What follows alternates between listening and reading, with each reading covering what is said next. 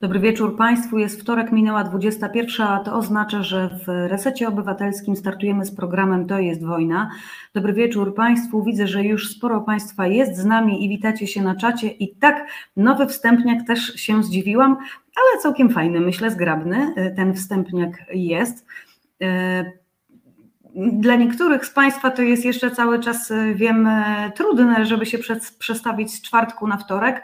E, ale ja myślę, że ta zmiana już tak będzie na stałe i nie ukrywam, że i mnie, i, e, i koleżance redakcyjnej, z którą się zamieniłam na ten, e, na ten konkretny czas antenowy, jest tak lepiej i wygodniej, więc mam nadzieję, że Państwu też ten wtorek wejdzie i przyzwyczajicie się, że to jest wojna z czwartku przeniesiona na wtorek, a dla tych z Państwa, którzy no jeszcze, jeszcze mają trudność z tym przestawieniem się, będzie można oczywiście ten odcinek, jak każdy inny, obejrzeć e, po live.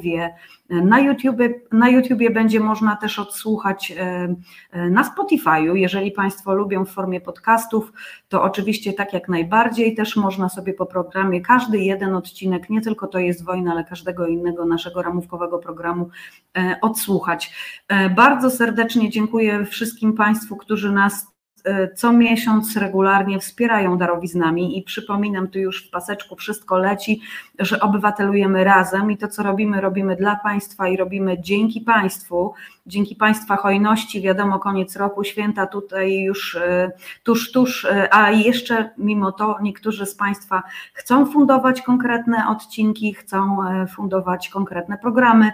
Bardzo, bardzo serdecznie za to dziękujemy. Pamiętajcie Państwo o tym, że jesteśmy też na Patronajcie, więc można nas i w ten sposób e, wspierać. Staramy się dopasować te wszystkie opcje do tego, co Państwo nam proponują, w jaki sposób Państwo chcą nas dotować i zasilać finansowo.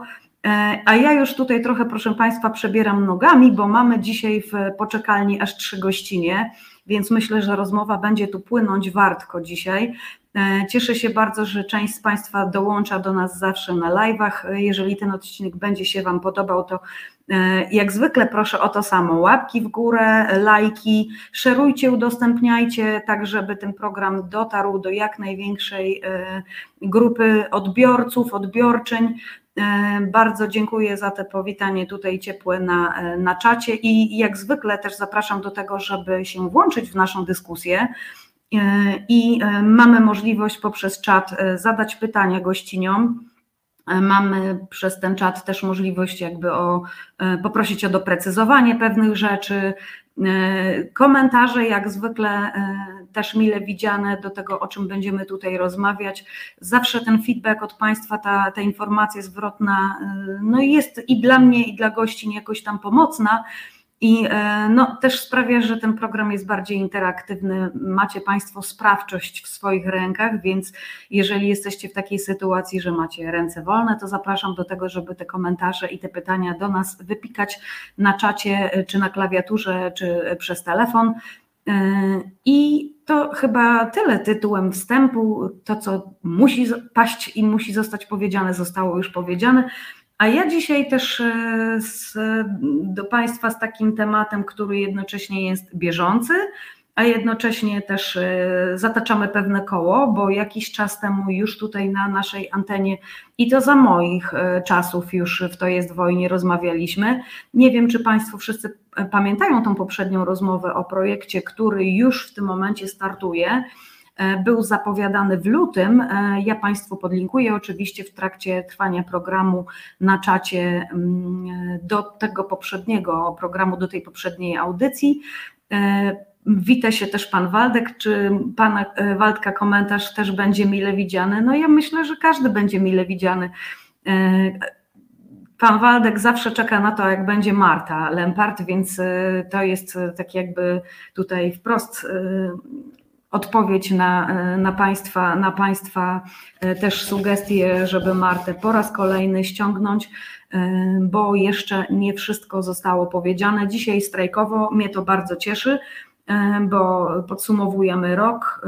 Tydzień temu, nie wiem czy Państwo wszyscy z nami byli, była Marta Woźniak z nami, czyli poprzednia prowadząca programu To jest wojna i podsumowywałyśmy sobie tak z grubsza oczywiście, bo ile można w te dwie godziny tutaj podsumować dwa lata, podsumowałyśmy sobie ten okres od początku, kiedy, kiedy startował Reset Obywatelski, kiedy startował program To jest wojna. Pierwszy odcinek, przypominam, Klementyna Suchanow prowadziła od drugiego odcinka już Marta Woźniak i od roku prawie już ja z Państwem się co czwartek spotykałam od dwóch tygodni we wtorek.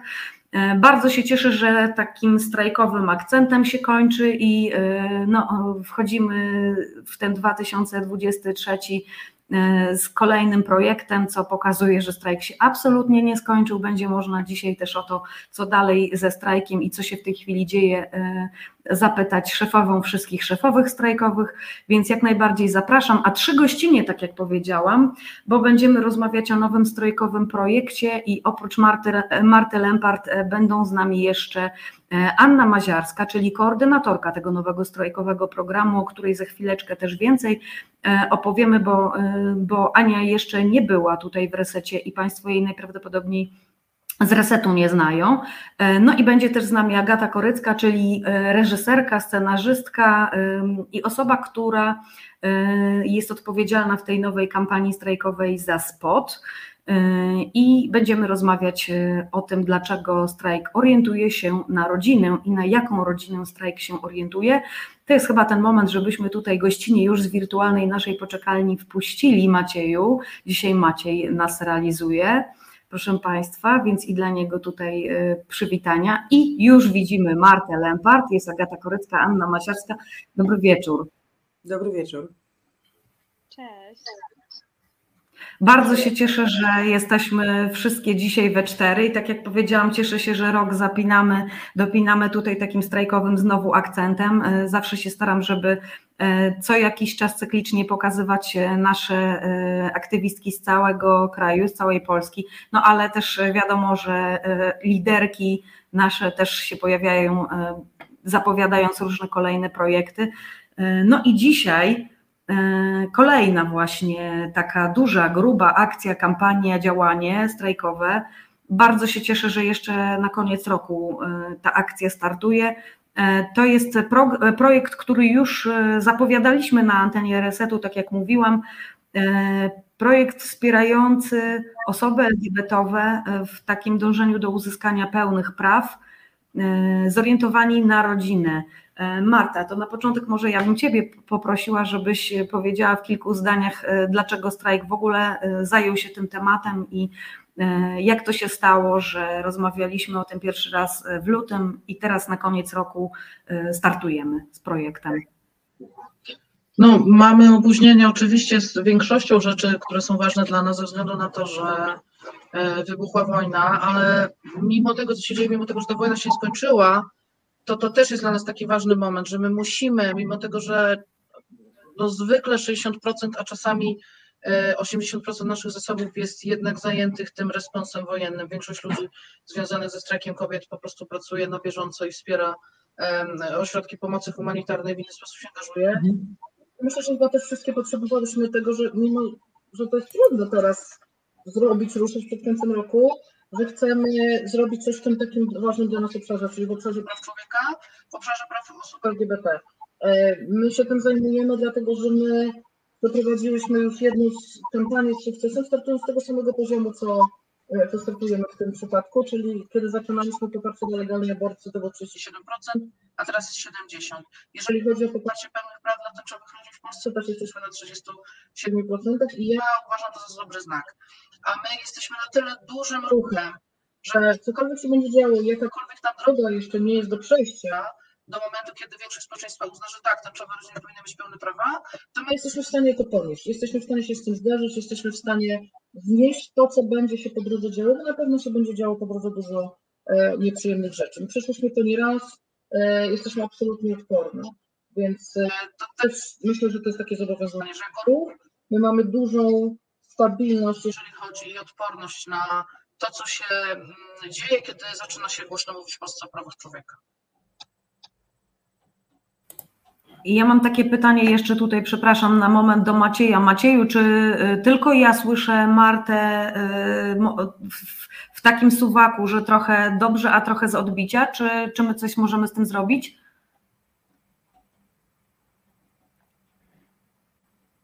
Aha, okej. Czyli to być może jest e, jakby tutaj ze źródła. e, Marta, nie wiem, czy jakoś bliżej nie będziesz musiała być do mikrofonu, ale myślę, że tak jak i dla mnie to, co, to, co tutaj teraz powiedziałaś, e, było zrozumiałe, to, to i tutaj widzę od feedback od słuchaczy, że słychać było, było do, do zrozumienia. No tak to jest właśnie, jak się e, zdalnie robi program, ale już mam nadzieję, będziemy tutaj nad tym nad tym panować. Okej. E, No właśnie, ja jeszcze bym chciała chyba, żebyśmy wróciły na moment do tego, e, o co też często pytają e, osoby tutaj na czacie, e, że jakby no my mamy te swoje priorytety i aborcja była zawsze tym numerem jeden, e, ale faktycznie postulaty zebrane z ulicy i to nie jest tak, że nagle tutaj mamy jakąś fanaberię, że znudziła nam się aborcja i przeskakujemy na tematy LGBT-owe. To się wszystko u nas spina i, e, i trzeba o tym pamiętać, że, że strajk trochę e, się szerzej zajmuje generalnie tematami e, prawno-człowieczymi niż inne organizacje takie feministyczne stricte, tak? My się zajmujemy zmianą, czyli my się zajmujemy zmianą społeczną, zmianą polityczną i na końcu zmianą legislacyjną. Czyli to, co możemy zaobserwować na, podst- na przykładzie aborcji, to jest właśnie zmiana społeczna, która już wywołała zmianę polityczną, zmianę na scenie politycznej i wywoła zmianę legislacyjną, o czym wiemy. E, I, na tej samej zasadzie zajmujemy się i będziemy się zajmować każdą e, sprawą, która jest zaniedbana i która wynika z tego, że bardzo długo tworzyliśmy państwo, w którym prawa człowieka gdzieś tam są na boku, bo do demokracji wystarczą nam wolne sądy, wolne media i wolne wybory. No jak jest, widzimy. Widzimy, co się okazało, jeżeli nie ma bezpieczników i jeżeli te prawa człowieka nie są traktowane jako, jako też jeden z elementów głównych demokracji. Mhm. To jest też, proszę Państwa, trochę tak, że y, no niektóre tematy muszą na swój czas y, poczekać. W lutym tutaj już startowałyśmy z tą kampanią taką promującą ten, ten projekt LGBT-owy, mówiąc już tak w bardzo dużym skrócie. E, Faktycznie no, nikt nie przewidział tego, że się wydarzy po drodze wojna u sąsiadów i że my zupełnie zajmiemy się taką działką, którą się strajk nigdy wcześniej nie zajmował, czyli w zasadzie taką charytatywną działalnością e, pomocową. No ale e, nie oszukujmy się, ten kryzys wojenny, związany też z napływem osób z Ukrainy, obnażył po prostu słabość, już nawet nie kartonową, tylko rozmiękłą kartonową naszego państwa. I e, te sprawy, o które e, walczyłyśmy wcześniej, no one wróciły ze zdwojoną siłą, bo nagle się okazało, że walczymy już nie tylko o siebie, o Polki, o Polaków, ale także o tą całą grupę która do nas z Ukrainy dotarła i ich prawa też trzeba zaopiekować.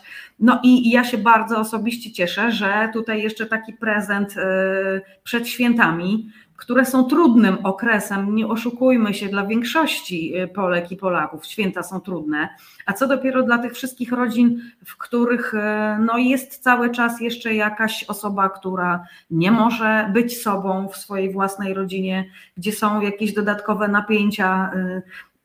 Te tęczowe rodziny też mają wyjątkowo trudno w tym okresie i mam, mam nadzieję, że tutaj jak ruszycie, to e, jakiś, jakąś lawinę po prostu takiej zmiany to wywoła i jeszcze przy tym e, stole e, jakiś zupełnie inny ton dyskusji będzie w tym roku.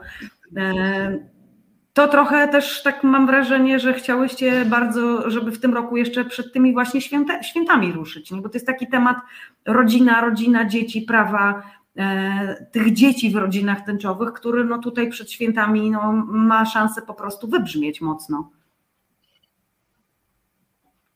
Nie wiem, do kogo to jest pytanie. Chyba myślę, Marta, że to jeszcze do ciebie, zanim do dziewczyn przeskoczę dalej. My, my po prostu się odłączamy i odklejamy od tej e, tak jakiejś e, ideologicznej nagonki, która mówi o tym, że e, nie można w przypadku tęczowych rodzin mówić o rodzinie. Nie wiem, kto Mhm. tak powiedział. E, dlatego, że ta propaganda, którą jesteśmy toczeni, po- powod- powoduje u ludzi takie wrażenie, że jeżeli mówimy o rodzinie, to, to mamy do wyboru albo mama i tata, albo tęczowa rodzina.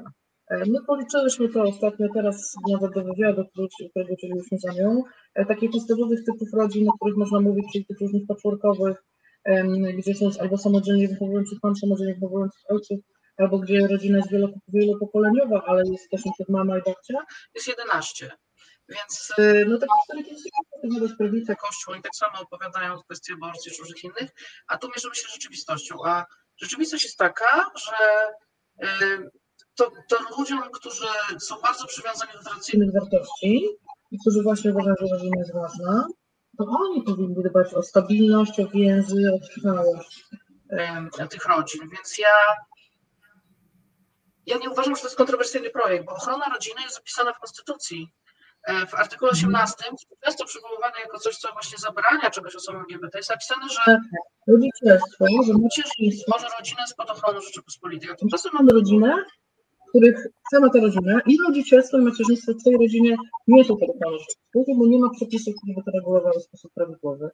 Więc y, mówimy o polityce społecznej, mówimy o polityce rodzinnej, mówimy o bardzo prostych rzeczach i mówimy o czymś zupełnie normalnym. W związku z tym dziś na pewno będzie jakaś taka reakcja mówiąc o tym, że święta, ze względu na to, że to jest właśnie tradycyjne święta, że, że Polsce w jakiś określony sposób obchodzono ich, to nie powinniśmy mówić o jednym z 11 rodzajów rodzin, które są w Polsce. No to o to nie będziemy mówić, bo nie damy się zagonić w jakiś taki, taki kosmos, który nie ma nic wspólnego z rzeczywistością. Rzeczywistość jest taka, że w Polsce jest 50 tysięcy dzieci zachowujących się w tęczowych różnych już teraz, mimo tego, że Polska ich nie widzi, nienawidzi, e, szkodzi im, krzywdzi je, a mimo tego te rodziny istnieją, bo, bo jeżeli ktoś decyduje się założyć rodzinę, jeżeli ktoś decyduje się mieć dziecko, to będzie miał będzie miał tę rodzinę.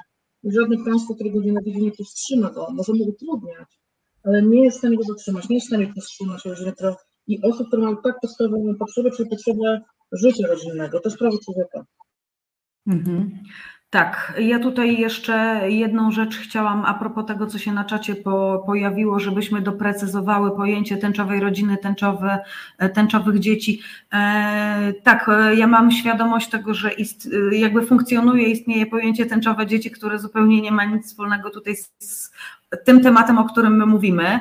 E, więc nam chodzi o tęczowe dzieci w sensie dzieci wychowywane w tęczowych rodzinach, dzieci tęczowych rodziców, e, dzieci wychowywane w LGBT plus rodzinach.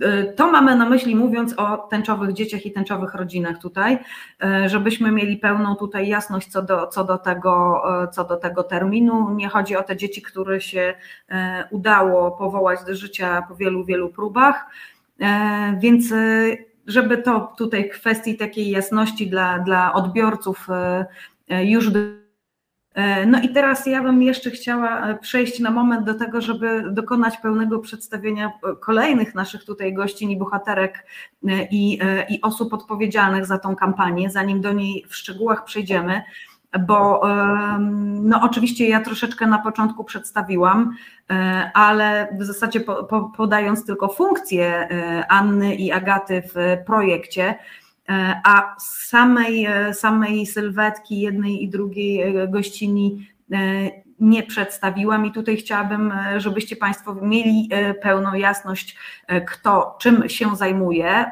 poza tym projektem. I może zacznę od Anny.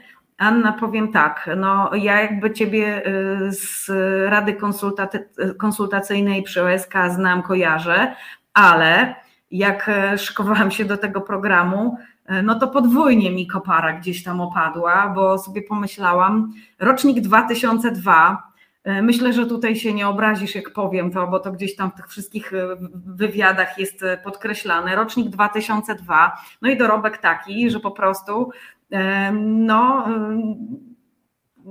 aktywistki, osoby publiczne, e, myślę w moim gdzieś tutaj wieku by się nie powstydziły takiego też dorobku i takie miałam naprawdę bardzo, bardzo osobiste e, jakieś takie mm, zawieszenie na tym punkcie, co ja robiłam, jak miałam te dwadzieścia kilka lat. I owszem, ja byłam bardzo zbuntowana i gdzieś tam na swoim podwórku, na studiach, e, w jakimś samorządzie studenckim walczyłam już o pewne rzeczy. E, ale raczej to była reakcja na pewne rzeczy, które się tam gdzieś działy, niż jakaś świadoma, e, świadoma działalność taka aktywistyczna i po prostu sobie myślę, wow, czy to pokolenie jest jakieś inne zupełnie, bardziej świadome, szybsze, po prostu szybciej wiedzące, co, e, co chce z życiem robić, czy to tylko my kiedyś tak jakoś dłużej, nie wiem, bawiliśmy się i żyliśmy w takiej jakiejś nawet nie wiem jak to nazwać, no może nie, że nieświadomości, ale jakoś tak e, później wchodziliśmy w tą aktywistyczną dorosłość. No koparka mi opadła, mówię podwójnie, bo wcześniej kiedyś już mi raz opadła, teraz drugi raz e, i proszę Państwa, ta młoda osoba, na którą w tej chwili tutaj patrzycie, e, no to jest y, radna Rady Warszawskiej Rady Kobiet. To jest członkini zarządu Stowarzyszenia Kongres Kobiet. To jest osoba, która no, jest w tej chwili w prestiżowych programach y, międzynarodowych, globalnych, czyli jest już aktywistką o zasięgu globalnym wręcz. I no naprawdę takie CV, że Naprawdę, no ja to czasami sobie myślę, co ja w ogóle robię gdzieś tam w tym aktywizmie, jak tu są takie młode takie młode osoby. No trzeba po prostu się tutaj zastanowić, czy ja tu mam jeszcze się w ogóle czym podzielić, wiecie. No, czy, czy, czy, czy tutaj można ludzi nauczyć, jak oni po prostu wszystko mają w jednym palcu, to do czego gdzieś tam się samemu dochodziło latami. No, może to tak trochę pociotkowemu brzmi, ale no to już jest ten wiek, że się już trochę pociotkowemu, e, rewolucyjnie, ale pociotkowemu myśli. No i faktycznie e, mnie tam serce rośnie, jak sobie myślę, że można iść na urlop aktywistyczny, jakiś antywypaleniowy, bo się zostawia po prostu robotę w takich rękach dobrych. Wiadomo, że na spokojnie można iść spać, no, na odpoczynek, na, na, na urlop, wiedząc, że po prostu są takie osoby, jest ich całkiem sporo w tym nowym aktywistycznym pokoleniu, które po prostu absolutnie uradzą i uniosą. Yy, powiedz Ania, yy, jak to się stało, że w ogóle ty się znalazłaś w tej Radzie Konsultacyjnej i jak to się stało, że no, przyłączyłaś się do strajku? Yy, cześć, bardzo mi miło w ogóle za taką zapowiedź, totalnie się jej nie spodziewałam. To nie było w żaden sposób umówione, dlatego tym bardziej jest mi, jest mi strasznie miło. E, więc tak, odpowiadając na to pytanie, to jest e, super pytanie, bo mi się po prostu przypomina e, wszystko, co się działo w tym 2020 roku. Jak to się stało, że znalazłam się w strajku? Ja myślę, że to też był taki okres dla mnie bardzo taki chaotyczny, to znaczy ja byłam w drugiej klasie liceum E, co teraz mi się wydaje strasznie takim dziecięcym okresem, teraz patrząc na to, że jestem na drugim roku e, studiów, ale wtedy mi się wydawało, że byłam bardzo dorosła.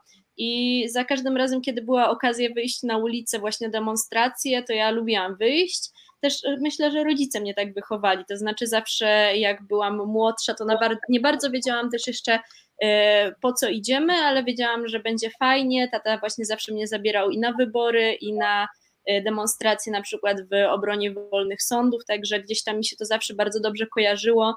No i potem zaczęłam pytać, dlaczego idziemy, co się takiego dzieje, kim są ci ludzie, którzy tak się dziwnie z boku gapią i nie idą w pochodzie. Także, y, także myślę, że y, tak jakoś też te wartości były mi przekazywane, ale pewnego dnia właśnie poczułam, że coś jest bardzo nie tak w Polsce i wydarzyło się coś bardzo nie tak. Y, i że po prostu to jest moment, żeby wychodzić na ulicę. Pamiętam, że ja w ogóle wtedy nie byłam jeszcze w Warszawie, bo tak na co dzień mieszkam w Warszawie, ale wtedy byłam akurat w górach razem z tatą y, na wyjeździe. Dlatego jak tylko wróciłam do Warszawy, to pamiętam już mi się tak po prostu nie mogłam usiedzieć w, tym, w tych górach, bo tak bardzo chciałam z powrotem do Warszawy, żeby tylko móc ze znajomymi właśnie pójść na ulicę. I no i tak się stało już któregoś chyba drugiego wieczora wyszliśmy po prostu wszyscy na demonstrację. Y, ja zaczęłam właśnie, szłam tymi żoliborskimi ulicami, bo wyszłam pierwszy mój, y, pierwsza moja demonstracja y, właśnie strajkowa, to było to był praktycznie plac Wilsona na, przy, przy, na Żoliborzu właśnie w Warszawie. I to jest dla mnie o tyle istotne, myślę, że bym pewnie tego aż tak nie pamiętała, gdyby nie fakt, że właśnie tego wieczora jacyś przypadkowi chłopcy, którzy też demonstrowali, zapytali nas, mnie i mojej przyjaciółki, czy byśmy nie chciały razem z nimi iść zablokować e, Wisłostrady pod mostem gdańskim, a my, że miałyśmy taką adrenalinę, powiedziałyśmy, że pewnie, że chcemy. No i e, gdy zablokowałyśmy tę Wisłostradę, weszłyśmy na pasy, e, kiedy było zielone i momentalnie się przełączyło na czerwone, a auta dostały zielone światło, to zaczęły samochody na nas trąbić I wtedy jeszcze bardziej moja koleżanka zaparła się, ona powiedziała, że ona nigdzie nie schodzi. I jeszcze jedna koleżanka, która z nami była, y, taka najdrobniejsza dziewczyna, zresztą ona była od nas dwa lata młodsza, ona usiadła na tej ziemi.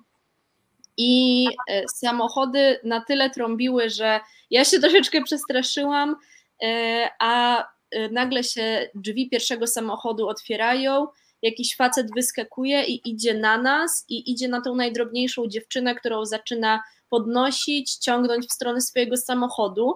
My momentalnie wpadliśmy w panikę i się on ją potem rzucił nią o ziemię, ponieważ chłopcy zaczęli biec w jego stronę.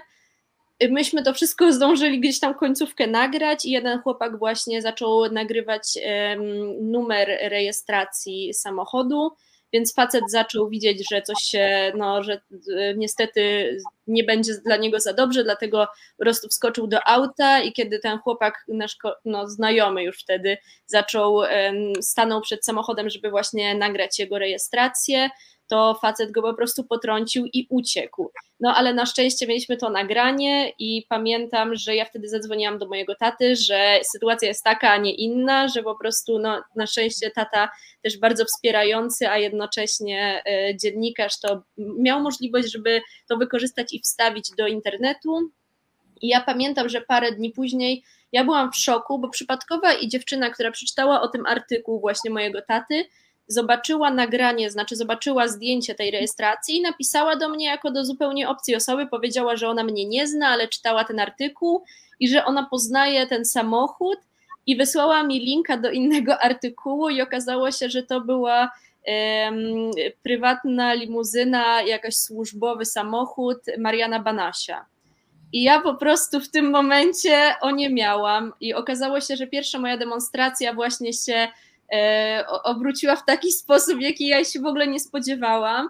I ja pamiętam, że wtedy zaczęłam bardzo o tym głośno mówić. Zaczęłyśmy pisać wszelkie możliwe, robiłyśmy zdjęcia w ogóle po, po rozwalonych kolan tej dziewczyny.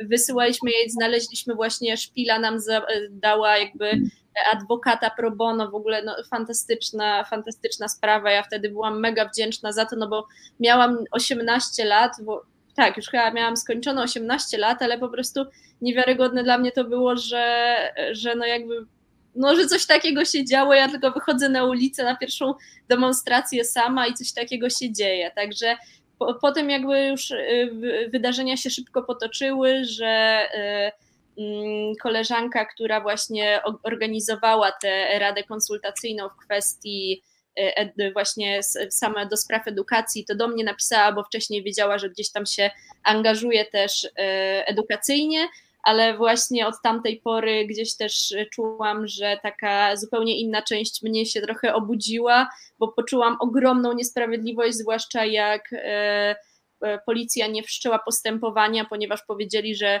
czy tam, że nie mają wystarczająco dowodów, czy że jakieś, no coś tam takiego wymyślili, że po prostu też nie, nie sądziliśmy, że ktokolwiek tym się faktycznie przejmie, ale od tamtej pory jakoś tak czuję, że, że no chciałabym, żeby coś się zmieniło i żeby, żeby już następna osoba tak nie miała, żeby już następne dziewczyny w wieku 16 lat na przykład nie miały traumy, że facet, który okazuje się prywatnym kierowcą, przedstawiciela NIK-u, że na przykład ciągnie je w stronę swojego samochodu. Na, bo najlepszy fakt jest taki, że e, potem sam NIK to skomentował, pisząc, uwaga, apel na Facebooku oficjalnie, że to jest nieprawda, że to kierowcę zaatakowała banda nastolatków i że ten kierowca się przestraszył i że właśnie to nastolatkowie i dziewczyny go chciały pobić, to wsiadł w samochód i próbował uciec.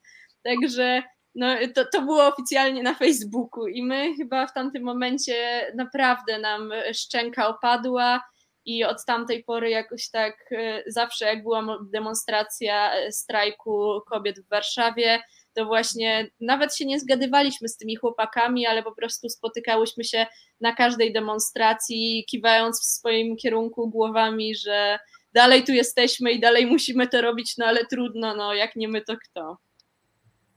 Mhm. Tak. Trochę jak tego słucham, to e, przypomina mi się od razu Laura Kwoczała, myślę też o Wiktorii Magnuszewskiej, cała jest taka grupa osób młodych, nie, Mola Melaniuk, cała grupa jest takich e, osób e, aktywistycznych tego młodszego ciut pokolenia, które dołączyły właśnie gdzieś do nas na ulicy w 2020 i takie mam trochę teraz skojarzenie, że myśmy jednak od tego 2016 za Martą, cała ta rzesza Polek, która wychodziła na, na ulicę, no jakby zareagowała na to rzucone hasło, że zróbmy im tu czarny, czarny poniedziałek. No myśmy wyszły po prostu na tę ulicę i trochę jak w dżungli karczowałyśmy maczetami po prostu aktywistycznie, e, a teraz to nowe pokolenie w 2020 już tak weszło w te e, takie przekarczowane przez nas i weszło szybko, weszło z impetem.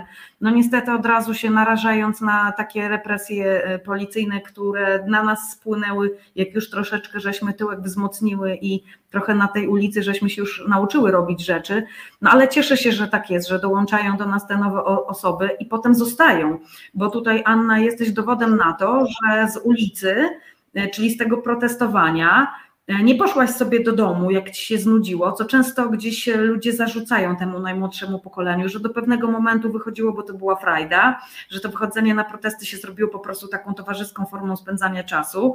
Tego tak nigdy nie widziałam, chociaż może jakaś tam grupa, wiadomo, wychodziła po prostu, bo inni wychodzili, no ale faktycznie ty potem przeszłaś do tej drugiej fazy, czyli jak było rzucone hasło, zróbmy sobie nową Polskę, zróbmy sobie od podziemia po prostu e, nowy, lepszy kraj, E, i powstała Rada Konsultacyjna, zebrałyśmy te wszystkie postulaty z ulicy, no to gromada tych młodych osób e, zgłosiła się do pracy w najrozmaitszych zespołach. No ty konkretnie akurat się e, zgłosiłaś do pracy w zespole do, do, spraw edukacji, no i tam miałaś szansę już z reprezentam, osobami reprezentującymi jakby różne środowiska, różne też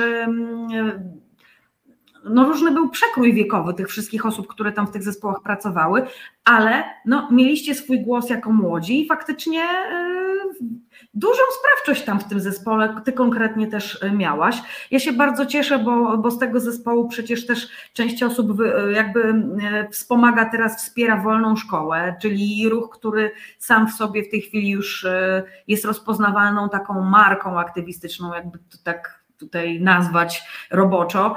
E, czyli wspieracie coś, co już jakby niezależnie od strajku dalej funkcjonuje i ten kawałek taki edukacyjny jest bardzo zaopiekowany tutaj, dzięki czemu no, mm, czy Federa, czy Strajk, czy inne organizacje mogą się zająć tymi swoimi takimi głównymi priorytetowymi działaniami.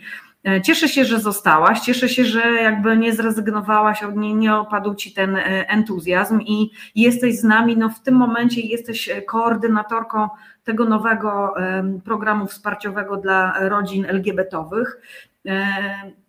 O tym za chwileczkę co, to, co w tym projekcie ostatecznie, finalnie y, będzie, jakie będą działania, jaki harmonogram. A jeszcze chciałabym tutaj y, przedstawić y, drugą, drugą naszą gościnię, Agata Korycka. No i tutaj też w zasadzie brakuje po prostu kilku linijek, żeby spisać Twoje wszystkie, twoje wszystkie zawody, te wszystkie kierunki studiów, które pokończyłaś. Ja tylko powiem Państwu, żeby już naprawdę to podsumować. I dziennikarka radiowa i telewizyjna, i autorka materiałów dokumentalnych, i filmów fabularnych, reżyserka, scenarzystka, e, swój program prowadziła też w radiu, więc ja tutaj się muszę pilnować, czy ja wszystko tutaj wiecie. No to jest zawsze ten moment, kiedy jest druga dziennikarka radiowa, która też była prowadzącą program, kiedy się trzeba troszeczkę e, wiecie, e, kontrolować, czy i się pojawia w głowie, że no druga, druga osoba tutaj jest. No, y, to oczywiście żartuję tutaj w tym momencie troszeczkę, ale no tak faktycznie jest. Y, I ja bym chciała tutaj nawiązać do tego, jak ty się związałaś jakby ze strajkiem po prostu zawodowo, y, profesjonalnie i nie wiem, czy Państwo wszyscy widzieli, oczywiście za chwileczkę pełne olinkowanie pojawi się na naszym czacie, nie wiem, czy Państwo widzieli nad Wisłą, ale jeżeli nie widzieliście, to jest e, film, do którego Agata napisała scenariusz i go wyreżyserowała i zgarnęła za niego po prostu całą listę nagród. E, koniecznie to trzeba po prostu e, zobaczyć. I no tutaj nie zdradzając Państwu całej fabuły, żebyście jednak potem film sięgnęli, Chcę tylko powiedzieć, że w tym filmie wystąpiła Marta i ten film jest o takiej policjantce, co to właśnie miała ten, ten kręgosłup moralny taki silny i nie wykonała rozkazu. E, kurczę, tak sobie myślę, czy kiedykolwiek naprawdę była taka policjantka na tych naszych protestach, no ale dobrze, że chociaż przynajmniej jest w filmie taka osoba pokazana, że tak można. E, no i to jest ten pierwszy taki moment, który ja wychwyciłam robiąc research, E, który cię spina ze strajkiem. Jak to się stało, że w ogóle ty taki temat sobie wybrałaś, e, że akurat bohaterka policjantka, że tutaj będzie bohaterka, która się angażuje w strajk, że w ogóle Marta w filmie wystąpiła. Jak to wszystko się stało i, i jak to się potem potoczyło, że ty jesteś teraz dalej tutaj w projekcie i już robisz teraz rzeczy z nami i dla nas? No to już tłumaczę. No, y tak się akurat y, zbiegło y, szczęśliwie, że w momencie, kiedy przypadły mi w, Warszawskiej Szkole Filmowej zajęcia z pisania scenariusza już filmu dyplomowego, już się działy różne rzeczy w Polsce, które powodowały moją czujniejszą obserwację tej społeczno-politycznej rzeczywistości. Jednym z, z takich bardzo ważnych wydarzeń, E, myślę, że tutaj dla wszystkich to był 2016 rok i czarny protest. E, I to jakby teraz wszyscy już o tym wiemy, z tej perspektywy lat e, już kilku wiemy, co to było. Natomiast wtedy, kiedy to się działo, myślę, że nie była taka szeroka wiedza społeczna, do czego to zmierza, tak? Znaczy, może nie do czego zmierza ten protest, ale do czego zmierza nasza rzeczywistość polska y, w kwestii aborcji. Myślę, że wtedy ciężko było sobie wyobrazić, i mi też było sobie to ciężko wyobrazić, nawet o tym nie myślałam, że tak kiedyś będzie, jak jest teraz, y, że ta rzeczywistość będzie tak wyglądała, ale y, jakby tym przywilejem scenarzystki jest to, że można fikcję mieszać z czym się chce. I ja postanowiłam właśnie ze względu na moje może wcześniejsze wykształcenie e, i socjologiczne, i dziennikarskie, mm, no jakby trudno e, przejść obok samego siebie obojętnie, obok swoich własnych spostrzeżeń. E, więc tak odpowiem, że w ogóle skąd policjantka, bo to jest może pierwsza taka rzecz. Ja nie mam żadnych, żadnych punktów styczności z jakimikolwiek mundurowymi organizacjami, służbami. Natomiast mam przyjaciółkę, która pracuje w policji. Znałyśmy się jeszcze wcześniej, zanim, zanim wybrała taki, e, taki zawód. I ja napisałam, e, napisałam pierwszy scenariusz e, jako romans dwóch kobiet, z czego one są, one są parą i jedna z nich właśnie pracuje w, w policji, z czego wynikały różne jej, jej problemy. I to była jedna z pierwszych wersji e, tego, e, tego scenariusza. Potem się wydarzyły właśnie różne rzeczy, czyli, czyli właśnie protesty związane z mm, zaostrzaniem prawa e, aborcyjnego, zaostrzania, no właściwie wiadomo, ale też było takie wydarzenie, w ogóle Marsz Niepodległości to było wydarzenie, które bardzo blisko mnie dotknęło osobiście, ponieważ ja mieszkałam przez wiele lat na trasie przemarszu e, w, w samiusieńkim centrum, epicentrum tego, e, tych, tych, tych wydarzeń i znalazłam się kiedyś w bardzo niebezpiecznej sytuacji e, w miejscu, w którym nie mogłam się wydostać, wśród ludzi, w których absolutnie nie chciałam być. No, dzięki uprzejmości policji jakoś mi się udało stamtąd y, wydostać, ale takiej uprzejmości wymuszonej trochę, y, mówiąc, mówiąc delikatnie. Była to bardzo niebezpieczna sytuacja. I później e, w, była taka sprawa y, kobiet z, z mostu poniatowskiego. I, mm, I te dwie sytuacje, czyli 2016 rok i to, co się wydarzyło na tym marszu, który, tak jak już wspomniałam, był dla mnie e, też przeżyciem osobistym e, parę lat wcześniej, e, uznałam, że to wszystko, co się dzieje wokół mnie, nie jest mi obojętne. wewnątrz mnie coś się dzieje. To tak jak ty wspomniałaś, Dominika, że my tak późno wchodziłyśmy, jesteśmy bardziej zbliżone wiekiem niż, niż, niż, niż ja za nią na przykład, ale Mm, ta moja świadomość taka była zupełnie uśpiona. Ja się nie, miałam wrażenie, że nie muszę się niczym szczególnym martwić, kiedy byłam na studiach. Miałam wrażenie, że wyszliśmy do Unii Europejskiej, byliśmy w NATO. Nie, mm, miałam wrażenie, że Polska idzie w dobrym, w dobrym kierunku, który mnie wtedy jakoś specjalnie nie interesował. No nie, byłam, nie byłam jakoś zaangażowana w żadne, e, e, w żadne, w żadne rzeczy. E, i tak też się stało, że ja w tym scenariuszu połączyłam te wszystkie elementy, o których teraz właśnie wspominam, i postanowiłam, że a czemu nie zrobić tak, żeby Marta Lempart była Martą Lempart? Po prostu w tym, w tym filmie.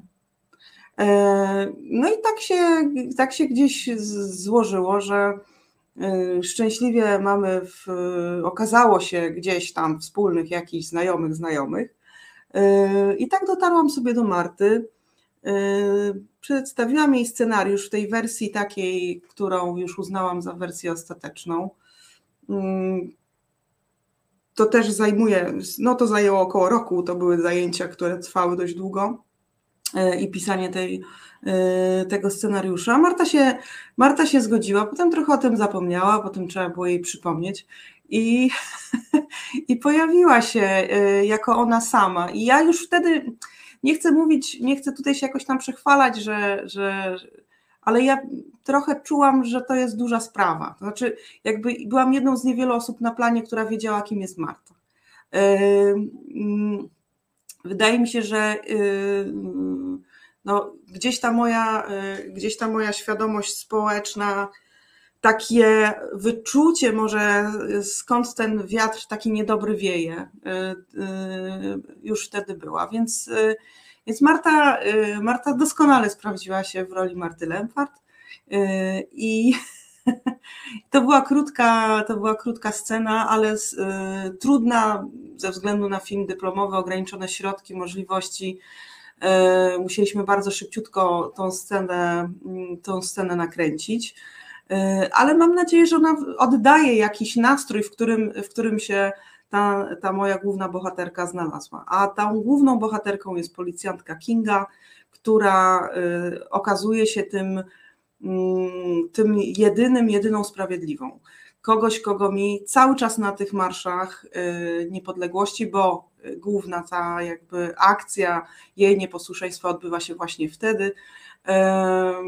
Takiej osoby mi brakowało. E, i brakuje mi. E, później, e, w późniejszych latach, kiedy, kiedy no marsz wiadomo przychodzi co, co roku, były takie sytuacje już po strajkach, kiedy wydawało się, że policja być może w jakiś inny sposób zaczyna reagować. Bije brawo, jak tam się. No były takie delikatne, delikatne jakieś informacje, które ja oczywiście wy, wyłapywałam, Natomiast no, oczywiście do niczego takiego nie, y, nie doszło. Jest to fikcja, to co, to co ja stworzyłam. Spotkałam się z Elżbietą Podleśną, która mi opowiedziała też tą sytuację, żebym sobie mogła wyobrazić, y, jak to wyglądało tam w środku. Oczywiście są nagrania, można było to wszystko obejrzeć, ale to też, też chciałam, skoro opiera się na pewnych wydarzeniach y, scenariusz, to, to należy je zdokumentować w odpowiedni taki Y, rzetelny sposób. No i tak, tak powstawało, powstawał mój film dyplomowy nad Wisłą. Fakt, że zaskoczyło mnie to, że w ogóle mi się tego udało zrobić, a, a to było dosyć trudne przedsięwzięcie. I czasowo, długo te zdjęcia były robione, bo w dwóch porach roku. I, no i też finansowo to było dosyć obciążające dla mnie. No ale nie film, nie no, film powstał, e, już e, znałaś Martę, już miałaś taką świadomość, ja tak sobie też faktycznie pomyślałam, że tym, wiesz, no masz to zaplecze takie socjologiczne, tak? Jesteś przygotowana do tego, żeby opisywać to, jakie rzeczy się w społeczeństwie dzieją. No to, to, jest, to jest zasób, którego taki przeciętny ma, więc y, my mogliśmy nawet idąc na te ulice nie mieć świadomości, bo myślę, że jak rozmawiałam tutaj z wieloma naprawdę naszymi dziewczynami, czasami nawet no my na tych naszych strajkowych zjazdach, jak rozmawiamy, to część naszych dziewczyn, naszych osób strajkowych naprawdę długo, długo nie miała świadomości takiej, że o, my tu robimy coś teraz naprawdę wielkiego, my tu robimy teraz coś takiego, co po prostu przejdzie gdzieś do historii tego kraju. Nikt tak o tym nie myślał. No kto tak o tym myślał wtedy? No nie, ma, my nie miałyśmy o tym myśleć. Ale tak? wiesz, Ja tak myślałam. To jest tak jak Ja tak chciałam. że robią Jak zmiany. ja zobaczyłam Beatę, mogę? Jak zobaczyłam Beatę Katkowską, wiecie kiedy? W 2018, jak mieliśmy taki duży protest, on się nazywał Czarny Piątek i to było tak, że rzeczywiście się mnóstwo ludzi z Polski zjechało do Warszawy. To była pierwsza taka akcja, że jechaliśmy do Warszawy, bo zwykle to było tak, że jednak starałyśmy się wspierać dziewczyny, żeby każdy sobie mógł protestować, każda u siebie, ale to wtedy tak rzuciłyśmy wszystkie siły na Warszawę i i poza tym zdjęciem ogromnym, takie, z takiego tłumu ogromnego na Nowogrodzkiej, było zdjęcie, które równolegle się pokazało i tyle samo się w mediach pokazywało, tak samo mocno. I to było zdjęcie z Gryfic Beaty Katkowskiej, która była jedna tam. Jedna, tak. E, Była przy takiej ławeczce i miała takie dwa transparenty, popieram strajk kobiet i właśnie Czarny Piątek. No i to są te dwa zdjęcia, nie? Czyli to jest właśnie to. I to, to są takie momenty, że ja absolutnie sobie zdawałam sprawę, że, że jeżeli ludzie robią takie rzeczy, to nie ma mowy, żeby nie nastąpiła zmiana. To jest, to jest, to niemożliwe, nie? Że jest taka energia w ludziach i taka odwaga, to nie ma szans, żeby prostu się, prawdopodobieństwo, że to się nie uda jest bliskie zero. To ja, ja to tak odbieram. Znaczy ja to myślę sobie teraz, że to dobrze, że ty i tam pewnie tych kilka innych naszych osób liderskich miało taką świadomość, bo, e, no bo ktoś tym musiał przecież wszystkim kierować i, i jakoś zarządzać, tak? Więc ktoś musiał wiedzieć po co wychodzi e, i, e, i dlaczego wychodzi i po co tych wszystkich ludzi tam wyciągamy na tą ulicę. Natomiast myślę, że tutaj, tak jak Agata powiedziała, no ten moment, ten początek, no to nie wszyscy sobie zdawali sprawę z tego, że to tak się rozrośnie, że to nie będzie też coś, co się jak to w Polsce często bywa, objawi nagle i wiecie, jak gwiazda, meteor przeleci, zgaśnie, a tu się okazało, że no jakby nie było e, z roku na rok protestowałyśmy coraz ostrzej, coraz więcej osób z nami wychodziło, e, no do jakiejś tam kulminacji, która przyszła e, po pseudowyroku. Tego to chyba nikt nie przewidział, że to tak będzie, wiecie, że to nie będzie wygasać, tylko nawet jak na moment troszkę ta fala opadnie, to po to, żeby potem buchnąć jeszcze mocniej. Także cieszę się, że, że ten film powstał. Bardzo zachęcam, proszę Państwa, do tego, żeby do tego zajrzeć. Za sekundeczkę te wszystkie linki, które Państwu tutaj pomogą namierzyć ten film, będą na naszym czacie. No a ja jeszcze chciałam, Agata, o ten moment podpytać, jak to się stało, że po zrobieniu tego filmu, no zaczęłaś nad nim pracę w 2020, że teraz w 2022 pod koniec jesteś no, autorką tutaj spota w naszej nowej kampanii, czyli dołączyłaś po prostu do nas. E, tak. E, no, starałam się jakoś pomagać e, wtedy, kiedy, kiedy się wydarzały te pierwsze rzeczy związane z wojną na Ukrainie. Starałam się jakoś pomagać w strajku, tak jak mogłam, czyli nie wiem, segregowałam rzeczy, coś woziłam. No i tak gdzieś od słowa do słowa y, no, okazało się, że po pewnym czasie, że, że jest taki pomysł, y, dziewczyny y, mają takie, mm, taki plan kampanii, a ja kiedyś robiłam wywiady, które się nie ukazały nigdzie, mhm. ale to już osobna kwestia, dlaczego one się nie ukazały. Robiłam wywiady z tęczowymi, tak zwanymi tęczowymi rodzinami, a przede mhm. wszystkim robiłam wywiady z dziećmi E, z tych rodzin. E, I kiedy Marta e, mi wspomniała o czymś takim, to, no, to tak zastrzygłam uszami, że no, to jest temat mi bliski i mhm. temat dla mnie ważny, który powrócił do mnie po kilku latach, bo to było już dosyć dawno. Trudno mi było. Myślę, że ludzie się bardziej bali niż teraz, zdecydowanie. Dlatego też, między innymi, dlatego ten projekt nie, nie, nie, E, nie wypalił. Być może jeszcze kiedyś mi wypali, bo to nie jest powiedziane, że, że to się nie stanie. E, natomiast e, no, ta tematyka mm, gdzieś się urodziła po prostu w mojej głowie. To był taki mój zupełnie pomysł, kompletnie oddolny, indywidualny, pojedynczy. Ja tych wywiadów przeprowadziłam kilka z młodszymi dziećmi. Rozmawiałam w obecności ich mam, bo nie jestem psychologiem społecznym, no, psychologiem dziecięcym. Nie, no nie podjęłabym się takiej rozmowy, nie chciałabym jakoś zrobić komuś krzywdy, komuś małemu. Niektóre te dzieci były nieduże, niektóre miały po 9 lat, niektóre miały po, po, po 20. Teraz już, teraz już mają po 20 parę lat, kilka. I tak właśnie się zdarzyło, że, że, że Marta powiedziała, no dobra, no to, to, to, to może napisz coś i zobaczymy.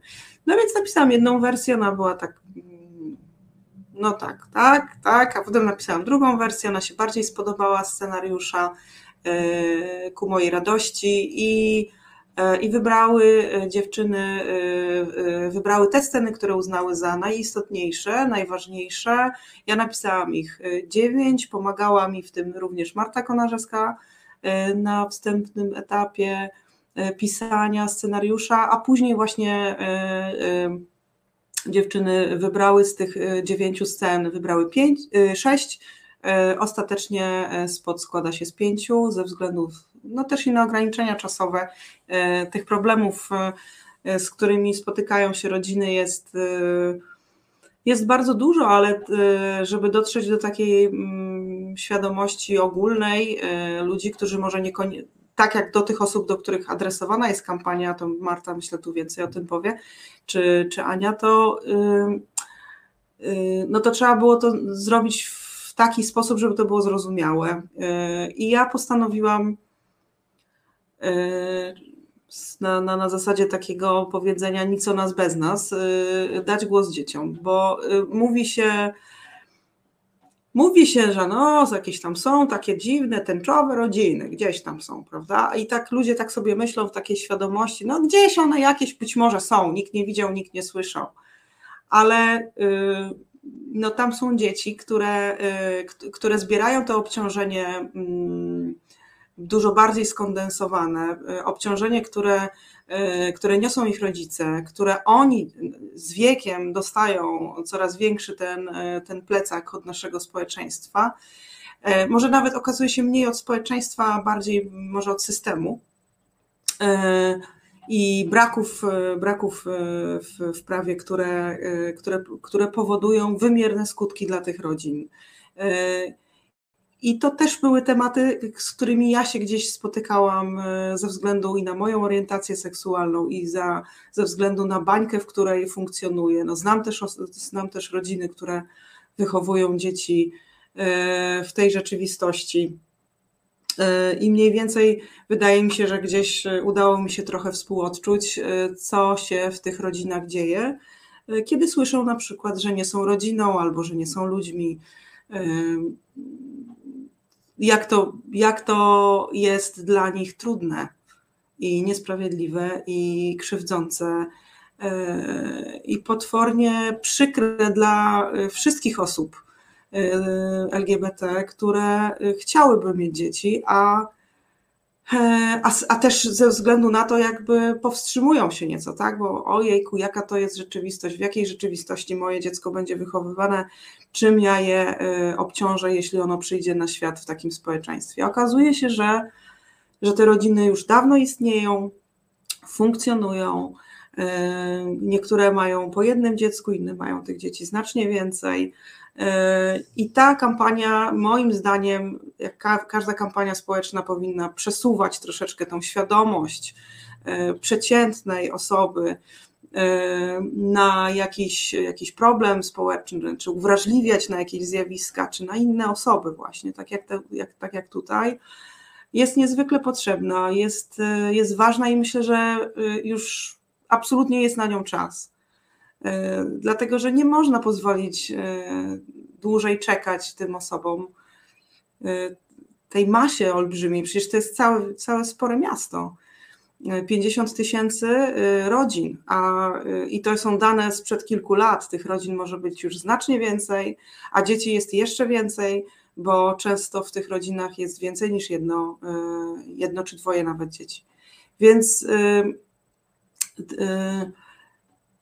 no więc tak, więc ja się bardzo, y, bardzo ucieszyłam, bardzo zapaliłam do tego, y, do tego pomysłu y, i bardzo się cieszę, że ten, że ten projekt się dzieje, że on się realizuje i że ten spot jest jego elementem i jakimś rodzajem zobrazowania dla, dla osób takich, które może pierwszy raz się z tym problemem praw, braku prawa i jak to wpływa na te rodziny, uda się może kogoś uwrażliwić i żeby zrozumieć, o co w tym, o co w tym chodzi, tak, że jest to bardzo proste.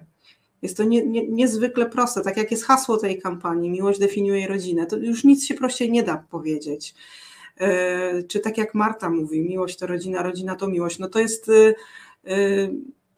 no właśnie to, to jest tak, to już więcej się nie da powiedzieć. To, to jak rozmawiam z, z, z rodzinami, no to niektórzy mówią, no fajnie, że używasz terminu rodzina, nie tęczowa rodzina. No tak, no rodzina, no po prostu, tak. I to przesuwanie tej, przesuwanie tej kreseczki, przesuwanie tej, tej, tej granicy gdzieś w sposobie myślenia, no jest cudowną rzeczą, tak? Także to, że ja mogę w tym wziąć udział i, i, i biorę, jest dla mnie absolutnie fantastyczne. Y, tym bardziej, że ja nie jestem osobą taką, która jest, nie nazwałabym się aktywistką. Ja po prostu staram się obserwować rzeczywistość i jeśli gdzieś mogę coś zrobić, to staram się jakoś delikatnie coś, coś wesprzeć. Natomiast tu chciałam powiedzieć, bo tak mówiła Ania o tych swoich takich pierwszych y, takiej świadomości, tak wyjścia na ulicę, to mi się przypomniało, jak byłam sporo młodsza, to były pierwsze parady równości i zobaczcie, jak one inaczej kiedyś wyglądały. Ja nie, może nie byłam na tych pierwszych, ale na jednych z pierwszych parad, które przechodziły przez Warszawę. E, pamiętam taką paradę, która ruszała z placu Konstytucji, nie, z placu Konstytucji, Jejku, jejku, jejku. Z placu bankowego, przepraszam. I, I z tego placu bankowego nie mogliśmy wyjść chyba ponad godzinę, bo po była taka masa tych osób, które tam z pięściami wygrażały i, i takie różne epitety tam leciały. Była taka masa policji, e, że myśmy stali w tym upale, już wszyscy półżywi, ledwo, e, ledwo żywi od, od upału i braku wody. Nie mogliśmy się stamtąd w ogóle wydostać, nie mogliśmy ruszyć i i to trzeba było siłowo rozpychać, policja siłowo rozpychała tych ludzi. Z kolei my taką swoją determinacją, takim czekaniem staraliśmy się po prostu cierpliwie poczekać, aż uda nam się w ogóle zrobić pierwsze 10 kroków tak, i przejść. Natomiast teraz, e, jak wygląda parada w Warszawie? No, co, z roku na rok jest coraz większa, coraz bardziej kolorowa, coraz bardziej odważna, coraz bardziej taka radosna, głośna. I, no i to jest, to, to jest fantastyczne móc się obejrzeć do tyłu, nie? Że, że, że, że, to się, że to się dzieje i można było być jakimś tam jedną małą kropeczką na ulicy, która, która też w tym wzięła udział, brała udział. No i co roku tam jestem. Także, także wejście moje do strajku było przez film i jest E, jest nadal związane z moim zawodem, z reżyserią e, i bardzo się cieszę, że mogę e, tą swoją jakąś, nie wiem, wiedzę czy doświadczenie wcześniejsze wykorzystać w takim świetnym celu, no, jak ta kampania właśnie. To ja tutaj jeszcze do Marty z pytaniem o tą kampanię, bo pamiętam pierwsze takie dyskusje nasze jeszcze wewnątrz strajkowe na temat tego, jak ta kampania miałaby wyglądać i, i to, że takie założenia od początku były, żeby ta kampania była zupełnie inna niż wszystkie do tej pory, które się e, gdzieś w temacie LGBT pojawiały w przestrzeni publicznej. Tutaj widać wyraźnie, że fokus jest na dzieciach, fokus jest na rodzinie, jest, no i są trochę inne warunki już w tej chwili, inna sytuacja, inne realia, e, inne wyniki chociażby też badań tego, jak ludzie postrzegają już po prostu osoby LGBT w Polsce, więc my wiadomo, że startujemy już e, no tak bardzo na czasie, jak teraz e, już możemy sobie na to pozwolić. E, natomiast no, pamiętam, że ty długie boje też e, e, prowadziłaś z osobami, które gdzieś się brały za tą, za tą kampanię o to, żeby to było naprawdę rewolucyjne podejście. I, i ja to mega szanuję. Właśnie widzę bohaterkę naszą tutaj dzisiejszą dodatkową gościnę. Nie wiem, czy Marta, ty tutaj z mając pieska dałaś radę e, usłyszeć, co mówiłam. Tak. Pamiętam, boję się właśnie, żeby ta kampania naprawdę nie była o tym, że oj tam dajcie nam znowu jakąś szansę, że koncentrujemy się tylko na tych samych tam związkach partnerskich. Nie, nie, po prostu ktoś się musi zająć tymi rodzinami, które są, tymi ludźmi, którzy faktycznie funkcjonują i nikt po prostu o nich nie mówi. Bo takie mam wrażenie, że my cały czas jakoś tam najpierw maglowaliśmy te związki partnerskie, potem ewentualnie coś tam się zaczęło mówić już o tym, że nie chcemy żadnych związków partnerskich, chcemy od razu tutaj równości pełnej, chcemy małżeństw, chcemy adopcji, a tak, żeby się zająć tą sytuacją, że te, te rodziny już są i, i jaki ciężar chociażby te dzieci dźwigają faktycznie, to nikt się tym tak do tej pory specjalnie nie zajmował i nikt tego jakoś tak nie wyciągał na pierwszy plan w kampaniach. Znaczy, były oczywiście były kampanie, było dużo kampanii takich świadomościowych i są też kampanie już, które dotyczą em, em, też spraw prawnych. E, i, natomiast no, my mamy trochę inną też grupę odbiorczyń, odbiorców, myślę, e, więc też myślę, że dlatego też zdecydowałyśmy się tym zająć. I mamy też doświadczenie w takich rzeczach niemożliwych, wydaje mi się. E, To, co chciałyśmy pogodzić przy tej kampanii, o co toczyło się bardzo rzeczy, to właśnie było to, o czym mówisz, czyli chcemy kampanii, która się odwoła do tego, co jest w ludziach dobre i do dobrych emocji, no bo na tym to polega, tak? Dlatego, że ludzie, którzy przeszli tę drogę, bo, bo też myślę o wielu, wielu osobach, które znamy z ulicy z tego naszego pokolenia, czyli po 2015, które zaczęły być aktywne, które dojrzały do tego, żeby właśnie dokładnie uznać, że związki partnerskie to jakaś bzdura, to jest jakiś etap pośredni, że równość małżeńska jest oczywistym rozwiązaniem. I tak się dzieje. I dla nich tą następną barierą, czy tym następnym krokiem jest e, po prostu zderzenie się z rzeczywistością i przyznanie, że tak istnieją tęczowe rodziny, z tych rodzin są dzieci, powinny mieć pełne prawa. I ja jestem pewna, bo, bo tu mamy dosyć dużo, dużo, dużo rozbieżność, czyli dużo osób popiera, popiera już nawet nie związki partnerskie, ale równość małżeńską, przy czym przy, nagle przy prawach dzieci z tęczowych rodzin to, to spada. I to jest ten nasz obszar, i to jest ta praca tutaj, żeby przejść dokładnie do na następny etap. I rozmawiamy, czyli rozmawiamy, wiadomo, że nie będziemy przekonywać um, skrajnej prawicy, nie będziemy przekonywać Kościoła, dlatego że to, ta, część strony społecznej, politycznej to są ludzie, którzy są całkowicie odporni na rzeczywistość i w ogóle rzeczywistość nie interesuje. Tak, oni sobie jakiś kryją świat, który jest jakoś, no przecież możemy posłuchać, jakie bzdury opowiadała prawica o tym, że zakaz aborcji powoduje, że nie ma aborcji. No bzdury, no przecież to wiadomo, że kłamią. Więc my te kłamstwa, wszystkie co do tego, jaką rzeczywistość mamy chcieli widzieć, zostawiamy im, a my się mierzymy z rzeczywistością. I, I to tu jest ta nadzieja dla mnie. To jest ta, e, że odwołujemy się do tego, co i mówimy do ludzi, którzy są życzliwi, którzy są rozumni i którzy po prostu gdzieś tam się właśnie trochę dali zapędzić w kąt, trochę no gdzieś tam są pod wpływem takiej nagonki i którzy też się trochę boją, znaczy trochę się boją powiedzieć e, publicznie, ale jak wiemy, społeczeństwo jest dużo bardziej ważne niż nasi politycy. Więc tu, tu mamy tę część, mamy tę część taką naprawdę konserwatywną, dotyczącą rodziny, tradycji, więzi, korzeni, tego, że i, też tego mierzenia się z rzeczywistością. Czyli rzeczywistość istnieje, powinniśmy ją uwzględnić. A, a druga część, taka bardzo nasza strajkowa, która się trochę kłóci z tym takim podejściem, powiedzmy, miękkim, czyli do, z apelowaniem do tego, co jest dobre w ludziach, to jest to, na czym mi strasznie zależało. Dlatego też tak długo trwały, tak długo trwały dyskusje o tym, co ma być w spocie. Dlatego, że ja uważam, że chcę, żeby reakcją ludzi na to, że zobaczą em, spot, że zobaczą tę kampanię, żeby było żądanie zmiany prawa. Przed wam tej aborcji. To, że nie da się teraz zalegalizować aborcji, to, że mierzymy się z takim strasznym przeciwnikiem, nie ma żadnego znaczenia, ludzie i tak chcą zmiany. Tak? Czyli argument, że no ale przecież tego nikt nie teraz się nic nie wydarzy i w ogóle po co taki postulat, on w ogóle nie działa, tak? Ludzie chcą zmiany przepisów, koniec i są do tego absolutnie przekonani. I na końcu tej całej drogi, jakiej strategii w tej kampanii nie obierzemy, co tam się jeszcze nie dzieje, jest to, żeby ludzie żądali zmiany przepisów, czyli żeby nie żeby uznawali, że tak tęczowe rodziny istnieją, albo że e, no, nie powinna się dzieć krzywda, albo żeby tam te, wszystkie pod, kampanie takie po drodze, wszystkie takie tematy po drodze, które się wiążą ze zmianą społeczną, tylko ostateczną reakcją ma być żądanie zmiany prawa, że chcemy, żeby prawo się zmieniło, żeby zmienił się kodeks karny, żeby zmieniły się przepisy prawa rodzinnego, żeby się zmieniły przepisy prawa społecznego, tak? Że chcemy tego wszystkiego i nas to interesuje, kto i jak, co ma być. Bo tak jak jest teraz żądanie legalizacji aborcji, ma być aborcja legalna. 70% ludzi w Polsce to uważa. Nikt to nie interesuje, że ktoś coś i że jacyś posłowie tam mają swoje korzystne. Ich to kompletnie nie obchodzi. Czyli na samym końcu mamy to żądanie zmiany przepisów. No i teraz wyobraźmy sobie taką sytuację, bo musimy mówić o prawie.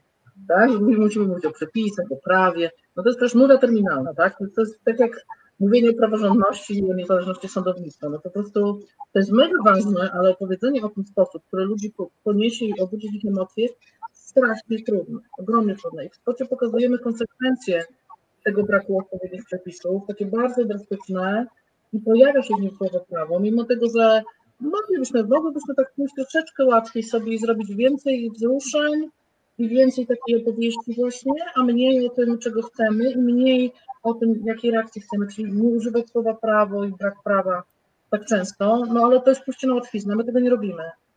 Bo na końcu ma być żądanie zmiany prawa, przynajmniej dla mnie i uważam, że to jest ta rzecz, o którą chodzi. Ja, ja uważam, że rozmowy o tym, że jesteśmy normalni, ja jestem sama lesbijką, że wstajemy rano, jemy jogurt i nosimy te wszystkie te same ubrania, co wszyscy jeździmy takimi samochodami, to są lata 90. Ja już nie chcę do tego wracać. I tę rozmowę już odbyliśmy. Mhm. I to już, już fajnie, wszyscy to wiedzą, ale nawet jak nie wiedzą, to trudno, to niech, nad, to niech nadążają. Znaczy niech, niech, niech dogonią tych, którzy są właśnie gotowi na coś innego, nie?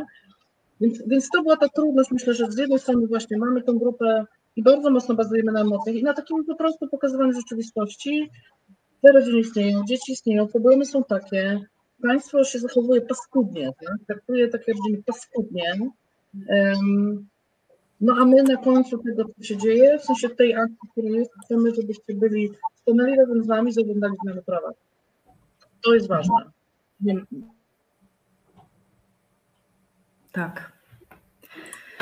No i myślę, że tutaj już wszyscy nie mają wątpliwości, dlaczego tak, a nie inaczej ta kampania musi po prostu w tym roku wyglądać. Yy, zwłaszcza jak jeszcze Państwo yy, śledzą chociażby Okopres i widzą, jak wyglądają sondaże dotyczące tego, jak są postrzegane osoby LGBT w Polsce.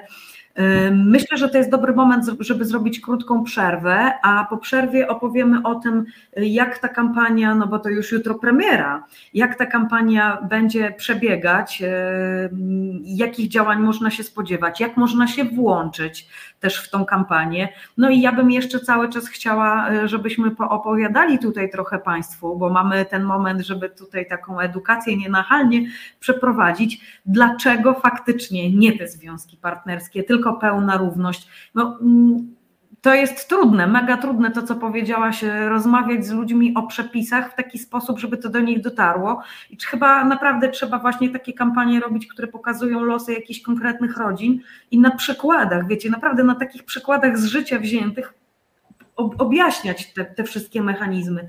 Dlaczego takie, a nie inne przepisy muszą się pojawić, tak? Bo ludzie tego po prostu nie wiedzą, wiecie. Często w Polsce jest tak, że ktoś sam czegoś nie doświadcza, albo ktoś w najbliższej rodzinie się z koniem nie kopie i gdzieś tam po prostu nie doświadcza jakiegoś zablokowania prawnego, no to ludzie tego nie wiedzą, tak? No jak ich to nie dotyczy, gdzieś bezpośrednio się nie wydarzyło w rodzinie, wśród znajomych, no to skąd oni mają wiedzieć? No, wiecie, taki, taki jest po prostu chaos informacyjny, że ludzie na takie rzeczy nie trafiają, jeżeli ich to bezpośrednio jakoś tam nie dotyczy. Ja mam wrażenie, że cały czas jeszcze nie wszyscy wiedzą, dlaczego my jakby tutaj wiecie, eskalujemy te żądania, tak? I że to tak naprawdę to nie jest tak, że my mamy jakieś, widzimy się jakieś fanaberie, że my chcemy sobie tutaj jakichś kolejnych przywilejów, tak? I ich zapisania w prawie, tylko do diabła nam ktoś tutaj odejmuje, coś wyblokowuje, my tylko chcemy, żeby nam to odblokowano po prostu w końcu i nareszcie, tak? No ale to e, może faktycznie po przerwie e, o, o takich konkretnych sytuacjach, na które te tęczowe rodziny napotykają, z jakimi się te dzieci z tych tęczowych rodzin też borykają, o tym wszystkim po przerwie, no i jeszcze to, co Państwo lubią bardzo w podsumowaniach takich końcoworocznych, czyli tutaj takie top, top 5, top 10 e, najważniejszych wydarzeń 2022 e, w każde, każda osobiście gościni podsumuje. To wszystko w tej drugiej części programu. Zapraszam na przerwę. Po przerwie widzimy się w tym samym gronie. Dziękuję serdecznie i do zobaczenia za momencik. Czas na związki. Czas na nowoczesne, postępowe związki zawodowe. Będzie kontrowersyjnie i dynamicznie. Rozmawiamy o sprawach, które mogą nas łączyć lub dzielić, jak na przykład kwestia wysokości podatków czy rola związków zawodowych. W programie pojawią się eksperci rynku pracy oraz związkowcy i związkowczynie. Każdą środę na 17 Piotr Szumlewicz zaprasza do Resetu Obywatelskiego.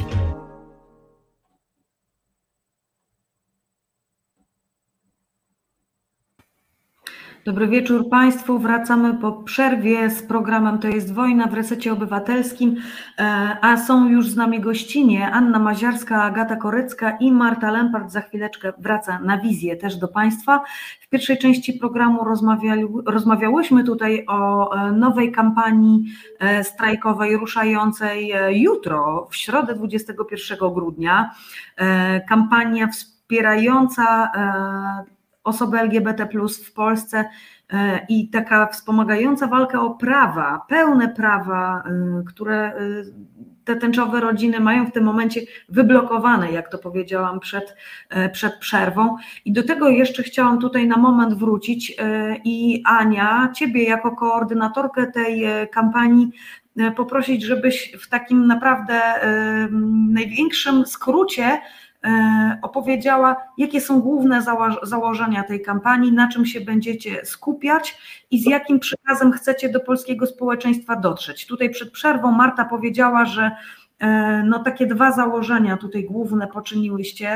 Pierwsze to dotyczące warunków brzegowych, tego co w tej kampanii ma się znaleźć, no i drugie warunkowane przez to, jaka jest sytuacja, jaką mamy w tej chwili grupę docelową, że są takie osoby, które uważają, E, że prawo powinno się zmienić i powinno uregulować sytuację e, tęczowych rodzin, tęczowych dzieci wychowujących się w tych rodzinach. E, jest to społeczne poparcie i jest ten potencjał i taka chęć do tego, żeby te zmiany w końcu zostały w prawie poczynione. No i to jest ta grupa, do której my się odwołujemy, i to też jakoś determinuje to, w jaki sposób ta kampania będzie przebiegać. Tak, jasne. Y mi się wydaje, że przede wszystkim fajnie zawsze to podkreślić, że to nie jest kwestia tego, czy my na cokolwiek tutaj e, pozwolimy, czy nam politycy na coś pozwolą, tylko te rodziny już dzisiaj istnieją i kwestia tego, czy się je zauważy, czy nie, będzie bezpośrednio wpływać na bezpieczeństwo samych rodzin, e, między innymi też dzieci e, z rodzin tęczowych. Dlatego zależy nam bardzo na jakimś takim uwidocznieniu, może też nawet oddaniu głosu tym osobom, ponieważ będziemy tutaj e, w kampanii prezentować 10 rodzin, 10 e, różnych historii, które po prostu będą opowiadać o tym, jak żyją w Polsce, jak sobie dają radę na co dzień, jak e, ta, ta, jak ta nietolerancja, czy tolerancja, czy nietolerancja wpływa na nich tutaj, wpływa na nie tutaj i jak w zasadzie jak po prostu im się funkcjonuje jako tęczowa rodzina w Polsce. E, także jutro prezentujemy nasz spot, e, który, który będzie właśnie już za kilkanaście, kilkanaście godzin publiczny, e, ale poza tym właśnie będziemy po, jakby w trakcie, w międzyczasie będziemy publikować różne historie par jednopłciowych razem z, posiadających dzieci w Polsce. E, ale też chcemy jakoś umożliwić wspieranie nas w tej kampanii, bo będziemy zbierać pieniądze na to, żeby sam spot został e, opublikowany też w telewizji, więc będzie, będą dwie możliwości wsparcia kampanii. Można to zrobić finansowo wpłacając na zrzutkę, ale można też zażądać od polityka, polityczki zmiany, to znaczy będzie można pobierać sobie tekst i wysyłać, klikać i wysyłać, y, mailować do, do posłanek i do posłów polskiego, e, polskiego Sejmu, żeby po prostu y, zażądać właśnie tej zmiany, to znaczy, żeby wyrazić poparcie, wyrazić wsparcie dla rodzin tęczowych, które, które właśnie opowiadają o sobie i, i pokazać, że jesteśmy w tym wszystkim razem, bo zależy nam wszystkim przede wszystkim na bezpieczeństwie dzieci. Że tutaj część osób, które nas słuchają i oglądają, od razu ma w głowie to pytanie, e, jakie niebezpieczeństwo grozi tym dzieciom, z czym one się borykają, co tutaj jest największym problemem. Ja myślę, że naprawdę nie wszyscy sobie zdają sprawę z tego, e, z jakimi obciążeniami borykają się po prostu dzieci, które mają na przykład dwie mamy albo dwóch tatusiów w Polsce. Tak, ja już tutaj pominę wszelkie statystyki i słowa o tym, jak wygląda, jak, jak bardzo y, nasilone są na przykład myśli y, samobójcze i w ogóle przy, takiej, y, przy takim poziomie nietolerancji nienawiści w Polsce. Ale tutaj już chociażby można wspomnieć o samych prawnych aspektach, to znaczy w Polsce jest bardzo trudno posiadać dziecko i posiadać, e, być w związku jednopłciowym jednocześnie, ponieważ tutaj mówimy o tym, że e, jeden rodzic, tak zwany biologiczny, czyli ten, który urodził, ta osoba, która urodziła e, dziecko, będzie w tym momencie tak zwaną podstawową matką, to znaczy matką biologiczną, i tylko ona będzie mogła na przykład odbierać dziecko ze przedszkola, ze szkoły, chodzić, na, chodzić do lekarza na wizyty lekarskie, to znaczy jej partnerka nie będzie mogła uczestniczyć w tych wszystkich e, aktywnościach, chyba że trafi się na na przykład lekarza czy lekarkę, która w jakiś sposób będzie wyrozumiała i pozwoli, że tak powiem, ale nie jest to nigdzie prawnie zezwolone, to będzie tylko dobra wola lekarza, lekarki, żeby w ogóle taką osobę wpuścić. Także mówimy tutaj o ogromnej, e, ogromnej skali takiego wykluczenia prawnego, tak naprawdę, i o problemach, które się piętrzą przed tymi, y, przed tymi osobami i przed tymi rodzinami. Ja pamiętam, że ja na ostatnim kongresie kobiet we Wrocławiu y, prowadziłam właśnie panel o równości małżeńskiej. Zaprosiłam dwie bohaterki, które przyjechały ze swoim synkiem. One też będą brały udział w naszej kampanii. Przyjechały ze swoim siedmiomiesięcznym synkiem Także y, o, chłopiec był najmłodszym chyba panelistą i wszyscy byli nim zachwyceni, ale to jakby ja sama nawet nie wyszłam z taką inicjatywą. Ja powiedziałam, że będziemy tylko rozmawiać o, o tym, co, co stoi na drodze równości małżeńskiej w Polsce. A dwie nasze bohaterki, y, te dwie y, kobiety przywiozły stos takich dokumentów, taką wielką teczkę z dokumentami notarialnymi, które e, musiały wszystkie spisać, żeby zezwolić drugiej matce na odbieranie na przykład właśnie na prowadzenie dziecka do przedszkola, do żłobka, oddawanie i tak dalej, i tak na zajmowanie się też ich dwoma e, starszymi córkami, na odbieranie, na chodzenie na wizyty lekarskie i tak dalej, i dalej. Także dla nas się to wydaje, że to tam e, to, czy będziemy mieć związki, czy będziemy mieć małżeństwa, to co to za różnica, a to jest ogromna różnica, ponieważ tutaj mówimy też o takich sprawach, jeśli tyle dokumentów jest potrzebne, żeby 7 czy 10-letnie dziecko móc odebrać z przedszkola, to ile to będzie dokumentów, myśląc na przykład, nie wiem, o ślubach, o małżeństwie, o spadkach i tak dalej, i tak dalej. To znaczy, mówimy tutaj po prostu z takimi barierami prawnymi, które mm, cały czas narastają na ścieżkach młodych osób i ich rodziców.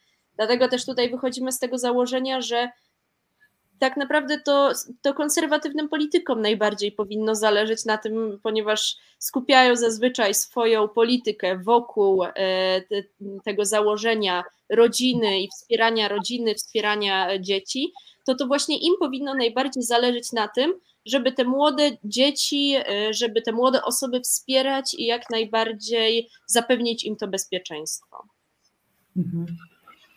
No my w spocie też pokazujemy te takie najbardziej drastyczne przykłady, więc chyba Państwa zachęcimy, żeby jutro o 12 się włączyć na zorientowanych na rodzinę. Mamy fanpage, mamy stronę, mamy Instagram, bo te takie najbardziej drastyczne przykłady tego, że nie ma odpowiednich uregulowań prawnych, czyli te, gdzie, nie wystarczy, gdzie te teczki się na nic nie przydadzą, e, gdzie te mhm. upoważnienia się na nic nie przydadzą, no to właśnie przedstawiamy w spocie, bo wiemy, że to jest coś, co no, przynajmniej mamy nadzieję, że to przemówi, że, że nikt nie będzie powiedzieć, no ale przecież można. No ale przecież mhm. można, można mieć 100 tysięcy teczek z papierami, przecież można być na zupełnie innych zasadach niż wszyscy, tylko dlatego, że komuś się uwidziało, że, e, że nie, nie powinniśmy mieć praw. No przecież można. Więc w spocie akurat mamy takie sytuacje, w których nie można powiedzieć, ale przecież można. Bo te, te, nie ma rady na to. Na te sytuacje, które mamy akurat prawne, e, pokazane w tym naszym wideo, nie ma możliwości załatwienia tego notariuszem, e, upoważnieniem, czymkolwiek, zmianą nazwiska, ślubem za granicą, czymkolwiek innym. No właśnie Ja to jest że- Zrobiłyśmy research też, taki, który, który był, e, poprzedzał jak gdyby e, teksty, które są, e, i sceny e, i zrobiłyśmy research e, zarówno taki e, prawny, e, ale zrobiłyśmy też e, research e, z, mm, z psychologiem e, dziecięcym.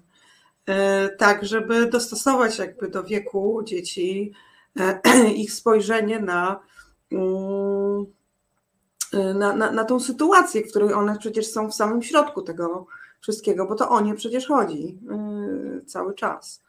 I, no i tak jak powiedziałam na początku, no jakby oddanie im, im głosu jest,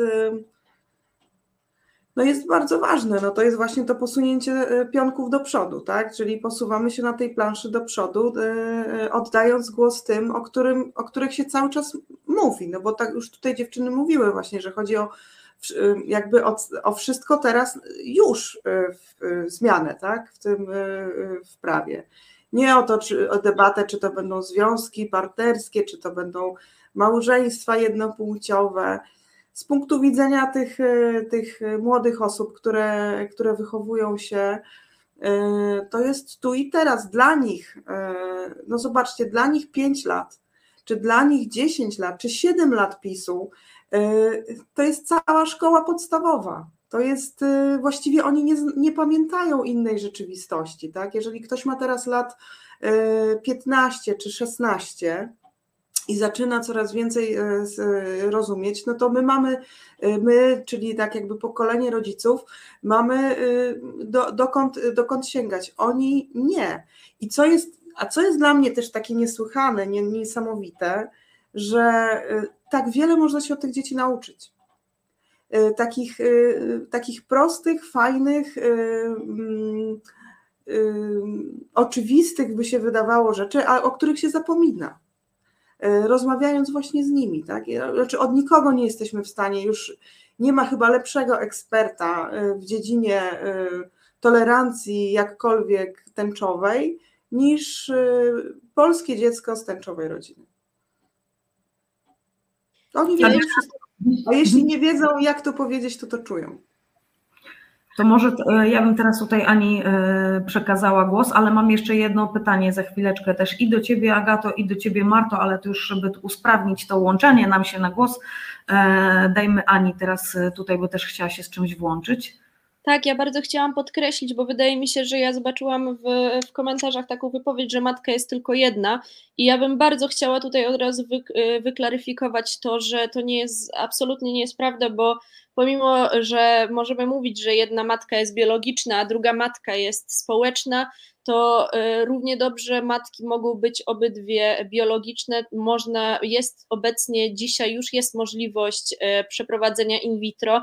Co prawda, niestety w Polsce jest to dalej rzecz, która leży, ale w Norwegii na przykład jest to możliwe, żeby po prostu komórka jajowa jednej kobiety została wymieniona z komórką jajową drugiej kobiety i w ten sposób zupełnie nie ma przeszkód temu, by jedna kobieta nosiła materiał genetyczny drugiej kobiety. Także bardzo bym chciała unikać jakichkolwiek tutaj teorii, które utrudniają nam w ogóle dostrzeganie drugiej kobiety również jako matki. Czyli wiemy już, że to jest po prostu możliwe, żeby matki były dwie, ale też e, tutaj panom, którzy akurat gdzieś w tym e, o tej jednej matce e, pamiętają po prostu to powiedzenie, no bo ono dalej w Polsce funkcjonuje, że matka jest tylko jedna, tak? Ciekawe, bo w patriarchalnym kraju się mówi, że matka jest tylko jedna, tak? A nie mówi się nic sam o tym ojcu. To jest jakaś nasza polska wewnętrzna sprzeczność po raz kolejny. No ale jeszcze wracając do tego tematu, no przecież my już mamy takie sytuacje, że matka biologiczna to jest zupełnie inna osoba, często nieznana, zupełnie kto inny wychowuje to dziecko i tam się nikt nie zastanawia, czy matka jest tylko jedna i nikt takich dziwnych jakby argumentów nie wyciąga, więc dlaczego tutaj nagle w momencie, kiedy są dwie kobiety chowające, to już jest jakiś problem. Ja tego nie rozumiem, ale ja mam jakoś inaczej już głowę też ustawioną, więc mnie to jakoś absolutnie też wybija i denerwuje, jak słyszę takie rzeczy, chociaż no wiem z czego to wynika, z tego, że to po prostu tak jest nam wdrukowane mocno w kulturze, że te powiedzenia trochę nam zastępują czasami takie po prostu trzeźwe myślenie. To jest, to jest, proszę Państwa, przejście na autopilota i takie życie według tego, jak, jakie powiedzenia nam wdrukowano, bez, bez jakby weryfikowania tego z tą rzeczywistością, która się zmienia wokół nas. No ale tak, jeszcze tu miałam pytanie, to, może Agata do Ciebie, bo wywołałaś temat tych, tych dzieci, które tutaj też będą się pojawiały w tej kampanii, tych konkretnych przypadków.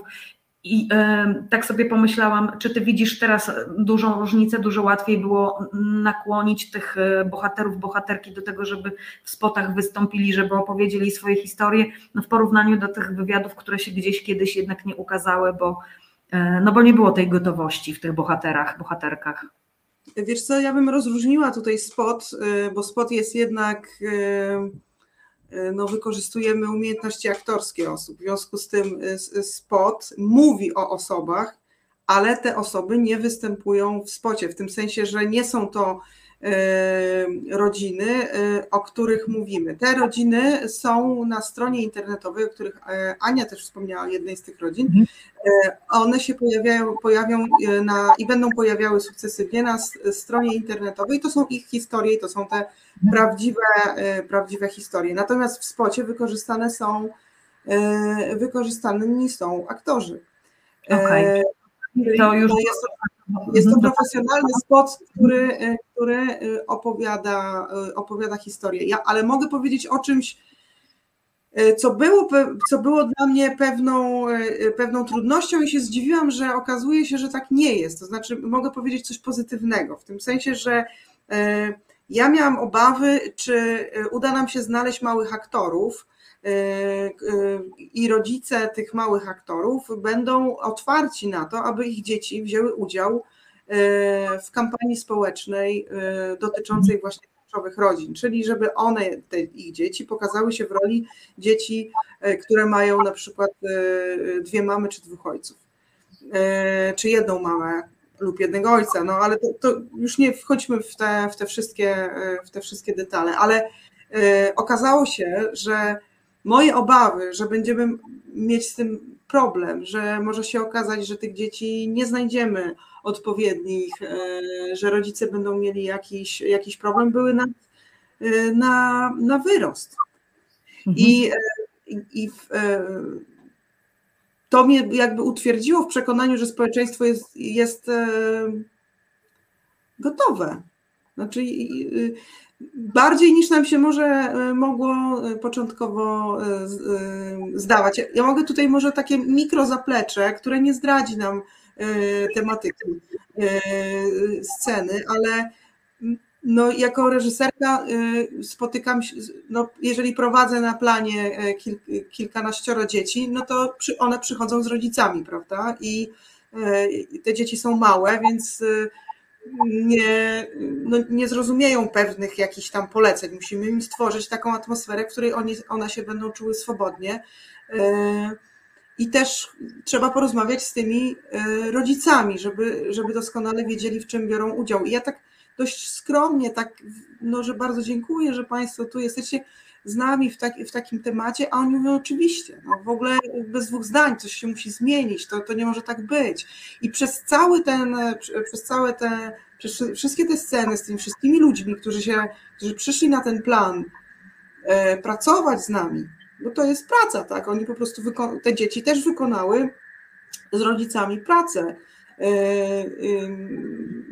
żeby się do tego y, przygotować, być z nami przez te ileś godzin. Y, to są mali profesjonalni aktorzy, którzy są zgłoszeni w agencjach aktorskich dziecięcych. Y, I ta otwartość tych rodziców i tych wszystkich dorosłych osób, które wzięły udział, pokazując się jako osoby LGBT, pokazując swoją twarz, wiedząc o tym, że będziemy to bardzo szeroko wszędzie, gdzie się da pokazywać, E, jest dla mnie fantastyczną właśnie taką zmianą, wiesz, to tak jak mnie pytałaś, jaka jest zmiana, że wtedy te rozmowy mm, no, były anonimowe, kompletnie schowane do szafy. Ja y, pisałam te teksty zmieniając wszystko, co, co się da, czyli e, miasta, e, zawody, imiona, żeby dać poczucie bezpieczeństwa tym, tym rodzinom i dać poczucie bezpieczeństwa przede wszystkim dzieciom.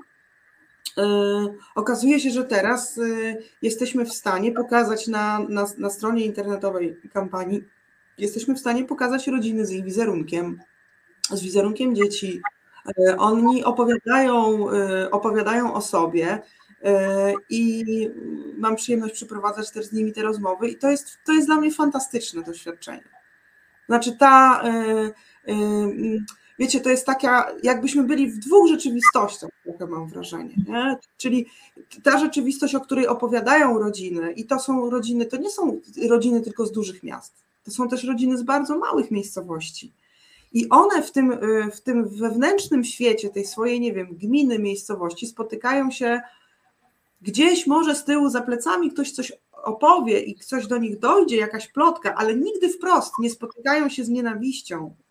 Więc wydaje mi się, że to jest tym bardziej dowód jeszcze, dodatkowo mnie to utwierdza w przekonaniu, y, że społeczeństwo absolutnie nasze jest, y, jest gotowe, żeby przyjąć y, te wszystkie informacje i, to, i współodczuwać. Współodczuwać z tymi, z tymi ludźmi i współ, współodczuwać z dziećmi, bo to na nie w konsekwencji gdzieś to wszystko spada, spada najniżej i one w tym swoim rozwoju, tak jak mówię, no dla nich te, te kilka lat to jest po prostu, dla nas to jest parę lat, tak? Czy, czy, czy mamy lat 30, czy 35, to już się niewiele zmienia, czy 40, 45, ale dla nich to jest, to jest 50% ich życia albo więcej, tak? Więc yy, yy, mimo wszystko, że jesteśmy w tej rzeczywistości takiej trudnej, takiej. Takiej nagonki, e, która i tak, i tak jeszcze wybuchnie dużo bardziej, wybory kolejne przed nami i więc mo możemy się spodziewać no już naprawdę e, jeszcze, jeszcze poważniejszych ciosów niż te, które były do tej pory, bo już gra będzie chyba już o wszystko, to, e, to w, tym, w tej bańce, w, tym, w, ty, w tych małych środowiskach rodzinnych, lepiej lub mniej, ale on, oni spotykają się ze zrozumieniem, z serdecznością, i e, największe te obawy, które, e, które te rodziny mają, bo to jest, e, to jest to przyjęcie, ale oni wewnętrznie wiedzą, że prawo nie stoi po ich stronie, wiedzą, że, że, że, że, że jakby nie mają narzędzi, nie mają czym się obronić, nie mają żadnej tarczy. Co, to, co bym chciała jeszcze właśnie tak podkreślić, że to jest, zależy na kogo trafisz, tak? Zależy na jakiego lekarza trafisz, na jakiego urzędnika, państwowego się trafi, tak te osoby zostaną potraktowane i nie wolno ich w ten sposób zostawiać. Dlatego to, co Marta mówi, że zmiana jest potrzebna tu, teraz, już i cał, wszystko powinno się zmienić, wszystkie prawa powinny być teraz już, to ja uważam, że jest na to czas. Dlatego, że wszyscy, jakby pokazuje mi ta rzeczywistość, której, e, o której opowiadają te osoby, realne, nie mówię już o spocie, e, do którego był zrobiony research, jest na to gotowość społeczna. I, i nikt tym osobom nie, nie, nie wzbrania, e, i nawet słowo adopcja, e, adopcja dzieci przez e, pary jednopłciowe nie jest tym, tą płachtą taką nabyka, jakby się być może niektórym, niektórym politykom czy osobom jakoś tam wpływającym na opinię publiczną zdawało. Tak? To, to, to nie, to, to nie może tak, to działa oczywiście na jakąś, na, cały czas na jakąś, na jakąś grupę, natomiast no, my jesteśmy Europejczykami jednak dużo bardziej niż nam się wydaje. Mhm. To jest jeszcze taki moment, kiedy ja chciałam Marcie jedno pytanie właśnie o te wszystkie prawne rzeczy zadać, bo tego ludzie naprawdę nie rozumieją i masz ten moment, żeby się jeszcze raz rozprawić z tym, dlaczego e, na przykład nie da się wszystkiego u notariusza. Ty już trochę o tym powiedziałaś, że ludzie sobie nie zdają sprawy, że są takie przypadki, że się nie da tego jakoś tą teczką dokumentów za, załatwić. Super, że wyciągnęłyście takie przypadki, ale cały czas jeszcze mam wrażenie, my musimy to tłumaczyć, dlatego że ludzie sobie jednej rzeczy jakoś w głowie nie przestawili że to nie są przywileje, dodatkowe rzeczy, tylko chcemy mieć tylko i wyłącznie wszystko to, co inni ludzie mają, tak? Co, co mają to, jest, to jest mentalność przywileju. To jest moje doświadczenie jeszcze z czasów, kiedy pracowałam, zajmowałam się e, prawami osób z niepełnosprawnościami i bardzo często zderzałam się z takim murem, który się nazywa bez przesady z tą równością. Czyli osoby z przywilejem e, są otwarte na równość do pewnego momentu, po czym określają, gdzie ona się ma skończyć. I teraz to jest, to jest takie trochę tu, dlatego ja tak się denerwuję, no to ale przecież mogą, bo to oznacza, że osoba się czuje w pozycji mówienia ile równości i ile wolności, e, ile praw ma mieć druga osoba. I to jest mega nie okej, okay. w sensie to jest w całości złe. To nie jest tylko jakaś tam wątpliwość, to jest mówienie, ja ci wyznaczę granice twojej wolności i tego, ile ci się praw należy. I to jest bardzo poważna sprawa dla mnie, czyli tak właśnie granie w to przecież. Więc ja bym chciała to przecież też, to, to, ale przecież mogą rozbrajać osobno jako coś bardzo złego. Ja nie chcę tego słuchać, bo ludzie mają mieć równe prawa, a nie słuchać, że oni przecież mogą coś. Natomiast rzeczywiście są takie sytuacje, w których nie ma, e, w których nie ma już e, wyboru. Wiemy o tym, o sytuacji, o sytuacji dzieci urodzonych za granicą, którym Polska uporczywie odmawia nadania numeru PESEL.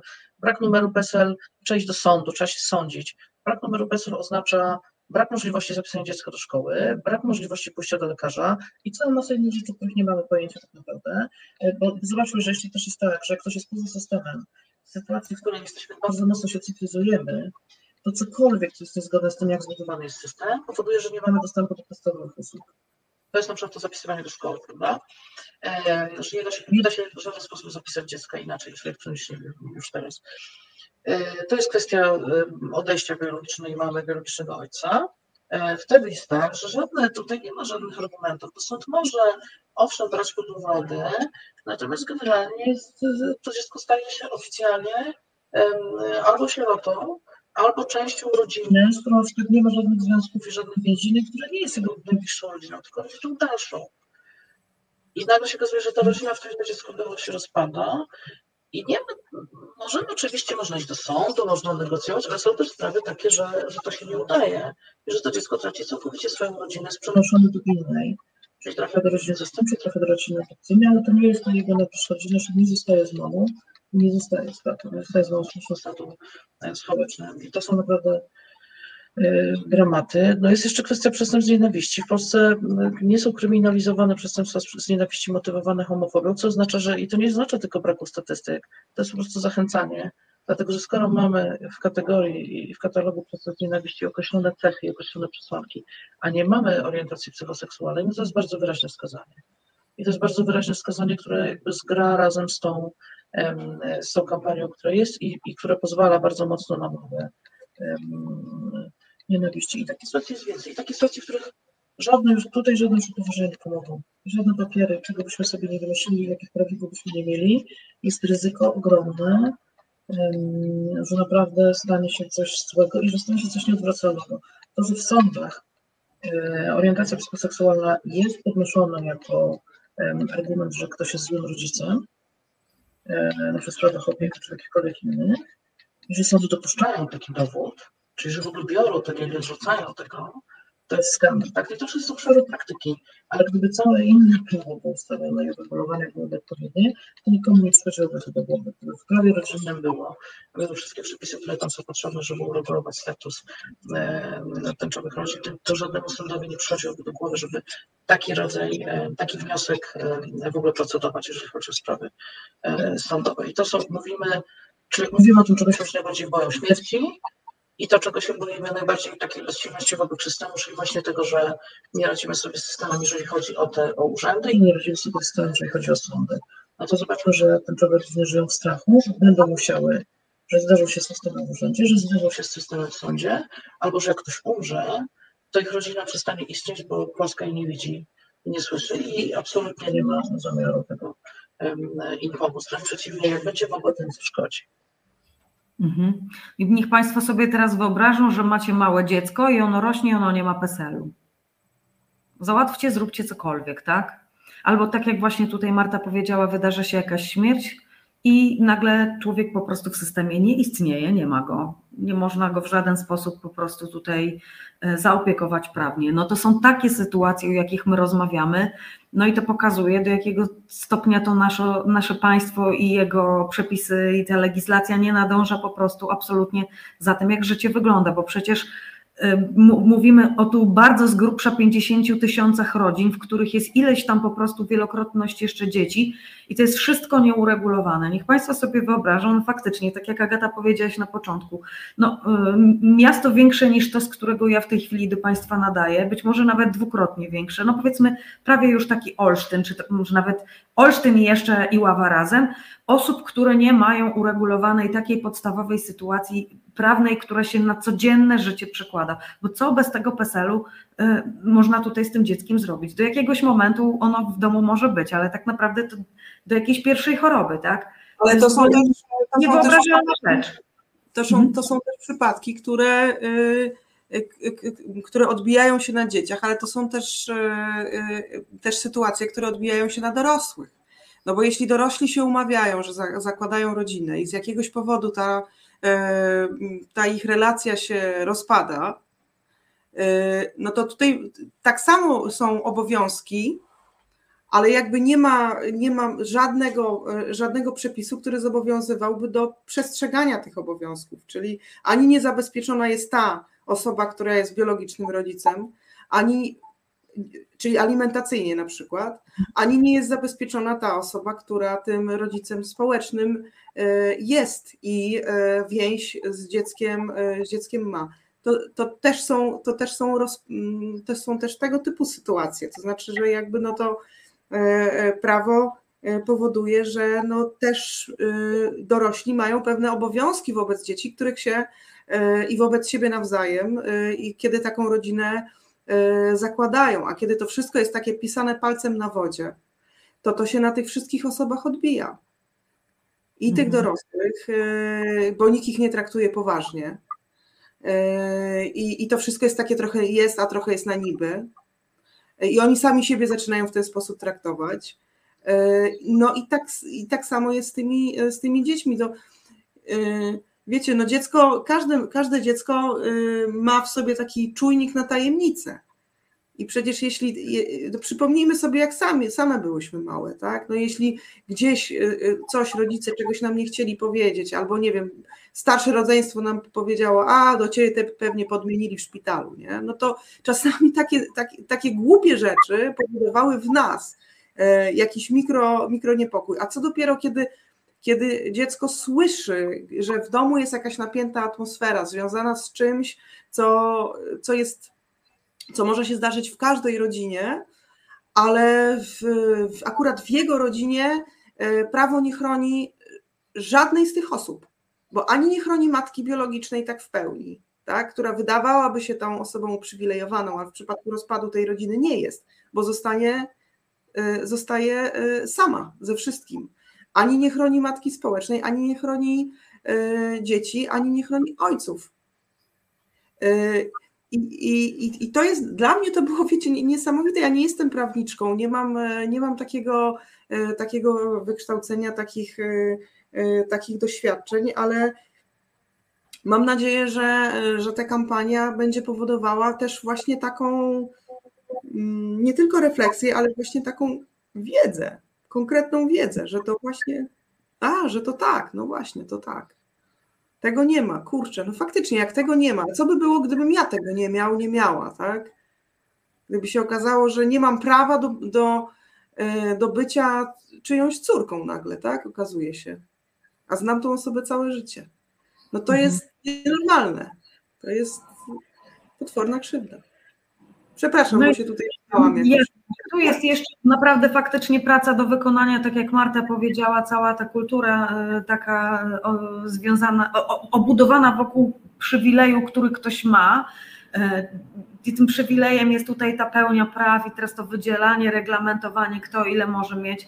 Ja sobie tak myślę, że, że mm, no, my dalej jeszcze nie rozumiemy, na przykład w przypadku osób z niepełnosprawnościami, że skoro ja mogę wejść gdzieś tam jako osoba sprawna e, fizycznie, motorycznie, ruchowo, ja mogę wejść e, wszędzie, gdzie jest tam jakiś schodek, no to do diabła to musi być tak zrobione, żeby każda osoba, która nie może wejść, była w stanie też się tam dostać. Bo dlaczego ona ma mieć w jakikolwiek sposób gorzej niż ja, tak? Jeżeli ktoś, kto ma jakąś inną niepełnosprawność, ma gdzieś utrudniony dostęp, no to do diabła to powinno być tak absolutnie z automatu, że my to wszystko przemyślimy, żeby każdy mógł wszędzie wejść, e, ze wszystkiego skorzystać, z czego mogą korzystać inne osoby. My tego naprawdę jeszcze mam, nie mamy po prostu w Polsce tak przeciętnie uwewnętrznionego i to widać tutaj w takiej sytuacji, kiedy ciągle się opowiada, że kobiety chcą mieć przywileje, że osoby z niepełnosprawnościami chcą mieć przywileje, że teraz osoby LGBT plus chcą mieć jakieś przywileje. Nie, my nie chcemy żadnych przywilejów, my chcemy tylko wszystkiego tego, co mają osoby, które są heteroseksualne w tym momencie, tak? I e, na tych przykładach mam nadzieję, że e, to jakoś będzie na tyle jaskrawo widać, że em, te osoby, które na tę kampanię napotkają, mam nadzieję, że po prostu uda się pocisnąć ją wszędzie, gdzie się tylko da, że, że takie jakieś, wiecie, taki zapłon nastąpi, te styki gdzieś tam zajarzą i nagle będzie tam myśl, nie no faktycznie, no tak, no, no i co w takiej sytuacji, tak, no jak dziecko bez PESEL-u, jak tutaj dziecko bez uregulowanej sytuacji, no pomyślcie Państwo, jest XXI wiek, i dalej w Polsce są ludzie, którzy nie mają po prostu uregulowanej sytuacji i którzy w ogóle jakoś prawo ich nie przewidziało, tak? I to nie jest tak, że my sobie rozmawiamy o czymś, co się może wydarzyć, tylko to się dzieje, te osoby już realnie po prostu cierpią, już się pewnie jakieś tragedie w rodzinach powydarzały, właśnie dlatego, że ludzie się po prostu z tym systemem zderzyli, wpadli na ścianę, no i naprawdę przez notariusza nie dało się wszystkiego załatwić. Szybko i po prostu za jednym gdzieś tam stryknięciem, e, jeden glejt, jeden maluteńki dokumencik od, od notariusza, notariuszki i już wszystko jest załatwione. No tak się nie da, trzeba to wreszcie po prostu jakoś ogarnąć, no ale jak nie będzie presji społecznej i my nie będziemy wszyscy wiedzieli, że po prostu są takie tematy niezałatwione dalej, no i nie tylko tutaj w tej społeczności, ale chociażby jeśli chodzi o osoby z niepełnosprawnościami też wiele różnych innych grup jeszcze jest w prawie jakoś nieujętych i dalej tutaj są jakieś dziury po prostu, luki, to to nasze prawo nie nadąża i to nasze państwo, to nasze państwo nie nadąża za tą rzeczywistością. No musimy po prostu tą presję społeczną wywierać i dobrze, że ta kampania powstanie. I Ania, jeszcze Ciebie chciałam tutaj e, o to, żeby Państwu na koniec jeszcze podsumować, e, co jutro e, rusza, gdzie wejść, jeżeli możemy już podać, wiadomo, dopiero jutro będzie odpalone w południe e, cały, cała jakby ta, ta obudowa, ale jeżeli już możemy po, po, po powiedzieć, podpowiedzieć, gdzie tego szukać na, po nazwach e, na socjalach, to myślę, że to jest dobry moment. E, tak, zapraszamy właśnie na, na YouTube i na naszą stronę internetową. Na YouTubie spot będzie pod hasłem Zorientowani na rodzinę ponieważ właśnie tak, e, tak nazywa się kampania, zorientowani na rodzinę i mam nadzieję może, że tutaj też jest opcja, żebyśmy na przykład puścili e, właśnie, e, bo to jest hashtag zorientowani na rodzinę, także może jeśli ktoś tutaj puści w czacie, to też będzie łatwo sobie zapisać. No i co, jutro o 12 będzie spot i razem z nim będzie już widoczna strona. Dominiko, nie słyszymy Cię się wyciszyłaś. A, okay. Tak, e, czy na e, socjalach, na Instagramie, na Facebooku też Również. przez ten hashtag znajdziecie Państwo? Tak, śmiało zapraszamy.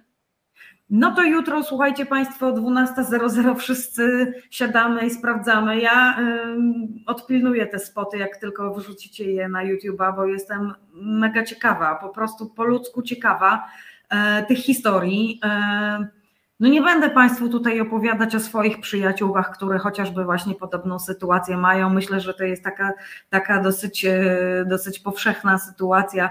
E, dwie mamy, jedna biologiczna, druga społeczna i jest problem e, co takie dzieci niosą, y, jaki ciężar po prostu na co dzień, jakie rzeczy słyszą w szkole, no to tutaj zostawię, y, niech Państwo sobie pomyślą, co mogą takie dzieci w szkole usłyszeć, co takie mamy mogą usłyszeć w sklepie, na ulicy, codziennie po prostu, dzień dnia, y, minuta po minucie w takim stanie zagrożenia, że za chwileczkę znowu ktoś może z czymś bardzo niefajnym wyjechać no, pewnie te historie, które tutaj e, usłyszymy, e, obejrzymy, będą jeszcze mocniejsze i mam nadzieję, że jakoś e, nam tutaj zrobią wszystkim większą przestrzeń w głowie i jakiś proces taki myślowy, krytyczny uruchomią. No a jeszcze dziewczyny, korzystając z tego, że mamy te ostatnie 6-7 minut na antenie, o ten wasz top 5 bym chciała zapytać. Jakbyście miały podsumować, myślę, że tutaj się troszeczkę będziemy wzajemnie uzupełniać. Najważniejsze rzeczy e, pod kątem praw człowieka, e, pod kątem praw kobiet, praw reprodukcyjnych 2022.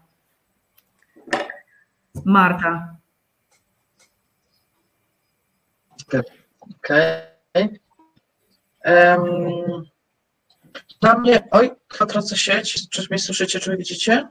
Jesteśmy. Tak, mnie widać? Wszystko dobrze? Tak. Mhm. Okej. Okay. Dla mnie tak, głosowanie w Sejmie nad projektem legalna aborcja bez kompromisów to był pierwszy raz, kiedy znacząca część i kluczowa część opozycji, czyli też konserwatywna opozycja zagłosowała za tym, żeby procedować dalej ten projekt. Przypomnę, że to były wcześniejsze zbiorki podpisów pod projekty obywatelskie, kończyły się tym, że no, tak zwanym zatrzyskiwaniem się w ale tak naprawdę tym, że akurat w tej sytuacji, w tym przypadku opozycja demokratyczna w dużej swojej części stawała po stronie prawicy, skrajnej prawicy kościoła rządu przeciwko obywatelkom, obywatelom. Czyli to był pierwszy raz, kiedy, kiedy z tym, kiedy uznali, że ich mocodawcą jednak nie jest Kościół, tylko obywatelki, obywatele. Może to jest zmiana w ogóle, jeżeli chodzi o scenę polityczną, zmiana w politycznej i w ogóle świeckość państwa, czyli to, jakie mamy statystyki dotyczące tego, jak to chodzi na religię w szkołach, to się przestaje powoli całkowicie dziać. I i w ogóle to jest taki dla mnie na popadku autorytetu Kościoła. Jestem zachwycony, nie mogę się doczekać. Znaczy też to, że to jest taka spirala, czyli za każdym razem, kiedy oni mówią cokolwiek, to im ubywa 5%, nam 5% przybywa e, po tej stronie prawnoczłowieczej, no to jest wspaniały proces, który gdzieś tam się unosi ponad nami, ale on się rzeczywiście dzieje i to jest ekstra patrzenie na to, jak oni się po prostu wybalają i za chwilę będą jakąś organizacją pozarządową, po prostu jak wiele innych. E, natomiast na scenie politycznej będą bez znaczenia, tak jak w innych krajach, w których e, ten upadek Kościoła był bardzo bolesny i, i zasłużony oczywiście, tak jak u nas będzie. Kolejna rzecz to jest no to jest ten wysiłek wojenny, czyli to, że osoby ze strajku kobiet, z innych organizacji, z organizacji obywatelskich, z kolektywów, z grup nasiedzkich e, podjęły respons, e, tak naprawdę na swoje barki wzięły cały respons w związku z atakiem Rosji na Ukrainę, bo wiadomo, że nie robił tego rząd, robili to ludzie, i to jest, e, no to jest coś niezwykłego. Ja bezpośrednio przecież nawet nie pracuję w, w, przy tej pomocy, ja staram się zbierać na to pieniądze, tak żeby móc zasilać te punkty pomocowe strajku, które cały czas istnieją. Natomiast ta robota, którą wykonały, no ja tyle znam robotę osób strajkowych, jest, to jest coś niebywałego. To jest coś, co różni ludzie przyjeżdżają z zagranicy, żeby to zobaczyć, dopiero wtedy rozumieją, że to, że organizacje pozarządowe i że inicjatywy, kolektywy obywatelskie się angażuje w pomoc, to nie znaczy, że ktoś ma pół biura no i zbiera tam rzeczy, tylko że to są całe systemy, budynki, dyżury, e, praca, że to wszystko się dzieje, że ludzie przestali w ogóle chodzić do pracy i zajmują się e, tym responsem wojennym. Uważam, że jesteśmy unikatowi w skali świata. To jest, to jest dla mnie ta rzecz. I myślę, że to, że to jest tyle, że, że dla mnie to są te hity i w zupełności mi wystarczy. No 70% popatrzcie na Polsce, 97% wyborców KO, 94% wyborców Polski 2050, mimo tego, że liderem tej partii jest fundamentalista katolicki, który jest zwolennikiem całkowitego zakazu aborcji. No jego własny elektorat mu mówi, że chyba mu się coś pomyliło. Także to jest dla mnie super, bo go nie znoszę, co chyba nie jest tajemnicą dla nikogo. Dziękuję. E, Agata, co byś dodała do tej listy?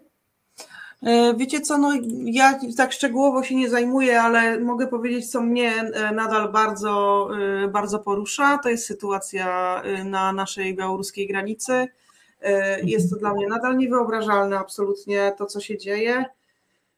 Ze względu na jakąś moją bliskość tej geograficzną muru, no, gdzieś tam wiem od, od osób, które, które, e, które pracują w szpitalu w Hajnówce, co się dzieje, ile jest połamanych rąk, nóg, e, ile jest zwierząt, które giną na drutach w miejscach, w których muru nie ma, w którym jest podmokły teren, w którym, w którym nie, da się tego nie da się tego muru postawić, zwierzęta próbują przechodzić, ile ich ginie, o tym się nadal nie mówi, nadal nie wolno się zbliżyć do muru, co jest, co jest dla mnie absolutnie niewyobrażalne, jako osoba, która mieszka tam w pobliżu, że nie wolno mi podejść e, na, na, na, na taką odległość, mimo że z niektórych wiosek przecież widać mur z, z ulicy, tak? czy, czy z podwórka. E, mhm. To myślę, że ja bym to chciała, e, chciałabym to dodać, bo to jest coś, o czym troszeczkę gdzieś nam to ginie, a ci ludzie cały czas są w lesie. Mhm. Ania? Y, ja myślę, że tutaj jeszcze bym dopisała do tej całej listy y, zwalczenie dwa razy Lex Czarnek y, i tutaj myślę, że to jest ogromna zasługa e, wszystkich, e, całego grona pedagogicznego, całego grona e, około edukacyjnego, wszystkich organizacji NGO-sów, bo nie ukrywajmy, to nie jest tak naprawdę zasługa żadnego prezydenta, który podpisał czy nie podpisał, ale jest to zasługa po prostu osób, które odwaliły ogromną kampanię i zrobiły wielką robotę na rzecz tego, żeby po prostu żeby jak najbardziej, jak najmocniej, jak najszerzej zaprotestować. Mhm. Lex Czarnek, tak, to też batalia tego roku, jeśli chodzi o edukację. Ja bym chyba jeszcze dodała tutaj jako takie wydarzenie, które też mnie mocno porusza, e, no tą sprawę, którą e, polski, e, no, po, polski rząd w zasadzie tutaj rękami czyimiś innymi robi Justynie Wydrzyńskiej, czyli po prostu ordosiury w natarciu i, i szantażowanie i straszenie i taki chyba tutaj najbardziej najbardziej proces z efektem mrożącym, e, żeby powstrzymać to, co robimy, czyli pomagamy w aborcjach. E, Justyna e, w styczniu będzie miała kolejną rozprawę, trzecią już. Ja mam nadzieję, że to będzie koniec i mam nadzieję, że się tłumnie spotkamy na Poligonowej 3. Zdaje się, jest to 14, 14 stycznia, ale nie jestem pewna, więc jeszcze tutaj Państwu przed tą datą oczywiście przypomnę, kto w Warszawie, to, to bądźmy przy Justynie, która w tym momencie no i będzie po prostu karana za nas wszystkie, które pomagamy, za nas wszystkich, którzy pomagamy. No i jest tym kozłem tutaj takim ofiarnym, tą osobą, która ma być przykładnie ukarana, żebyśmy wszyscy się zaczęli po prostu jeszcze bardziej bać, e, jeszcze bardziej trząść tyłkami, bo przecież wiadomo, że robimy swoje, mimo że tutaj e, jak Marta, która jest chyba rekordzistką polską, tych spraw ma po prostu kilkadziesiąt na karku. Tak mi się wydaje, 108. że. 108. 108. 108. Tak. 108 już, no to widzą Państwo, y, Marty nie łamie 108, no to tutaj wzięli się jeszcze od innej strony za te dziewczyny, które tą aborcję robią. No miejmy nadzieję, że to w tym 2023 już zostanie jakoś tam za, zakończone i że będzie bez wyroku, chociaż no trudno tutaj przewidywać, że będzie bez tego wyroku skazującego w takich warunkach, jakich mamy, jak mamy y, Ziobrę i wiadomo jaki system bardzo, bardzo dziękuję dzisiaj za ten czas. Jutro, proszę Państwa, wszyscy odpalamy e, zorientowani na rodzinę e, i wspieramy strajk, a ja jeszcze pozwolę sobie zaraz tutaj po zakończeniu emisji e, wrzucić Państwu na czat informacje o kolejnych strajkowych zajawkach, no bo przecież dalej wspieramy Ukrainę, tu leci zrzutka, no i zrzutka na działania antyrepresyjne i nasze strajkowe na kampanię Defend the Defenders, czyli obrońmy, obrońmy Oczywiście Szpila też e, zbiera kasę, więc jeżeli Państwo będą chcieli taki prezent sobie i nam wszystkim zrobić na, na święta, to zachęcamy do tego, żeby się podzielić groszem. E, no i oczywiście wszystkie linki obiecane tutaj do tych tematów, o których dzisiaj e, rozmawiałyśmy, będą. Panie Waldku, Pan się nie boi. Odpowiedź na to pytanie, dlaczego nie związki partnerskie, a pełna równość małżeńska jest i w poprzednim programie, i dzisiaj tutaj wybrzmiało trochę, ale i w tym poprzednim programie, gdzie o tym projekcie rozmawialiśmy, ja panu zaraz wyślę to e, prywatnie na czat, ale też w podlinkowanym już wywiadzie, podcaście e, Marty Lempart z Renatą Kim, to było dla Newsweeka, codzienny coming out. E, tam to wszystko jest wytłumaczone bardzo szczegółowo. Polecam tą rozmowę, naprawdę ona bardzo wiele wyjaśnia i zmienia i porządkuje tą wiedzę właśnie o prawie w głowach bardzo. Wesołych świąt Państwu wszystkim życzę. Dziękuję raz jeszcze za uwagę, gościniom za ten czas poświęcony w okresie bardzo gorącym, przedświątecznym, no i noc przed, e, przed ruszeniem kampanii. Doceniam tym bardziej, że dzisiaj znalazłyście czas. E, no i do zobaczenia, proszę Państwa, jeszcze w starym roku za tydzień. Dziękuję serdecznie. Dobrej nocy. Dobranoc.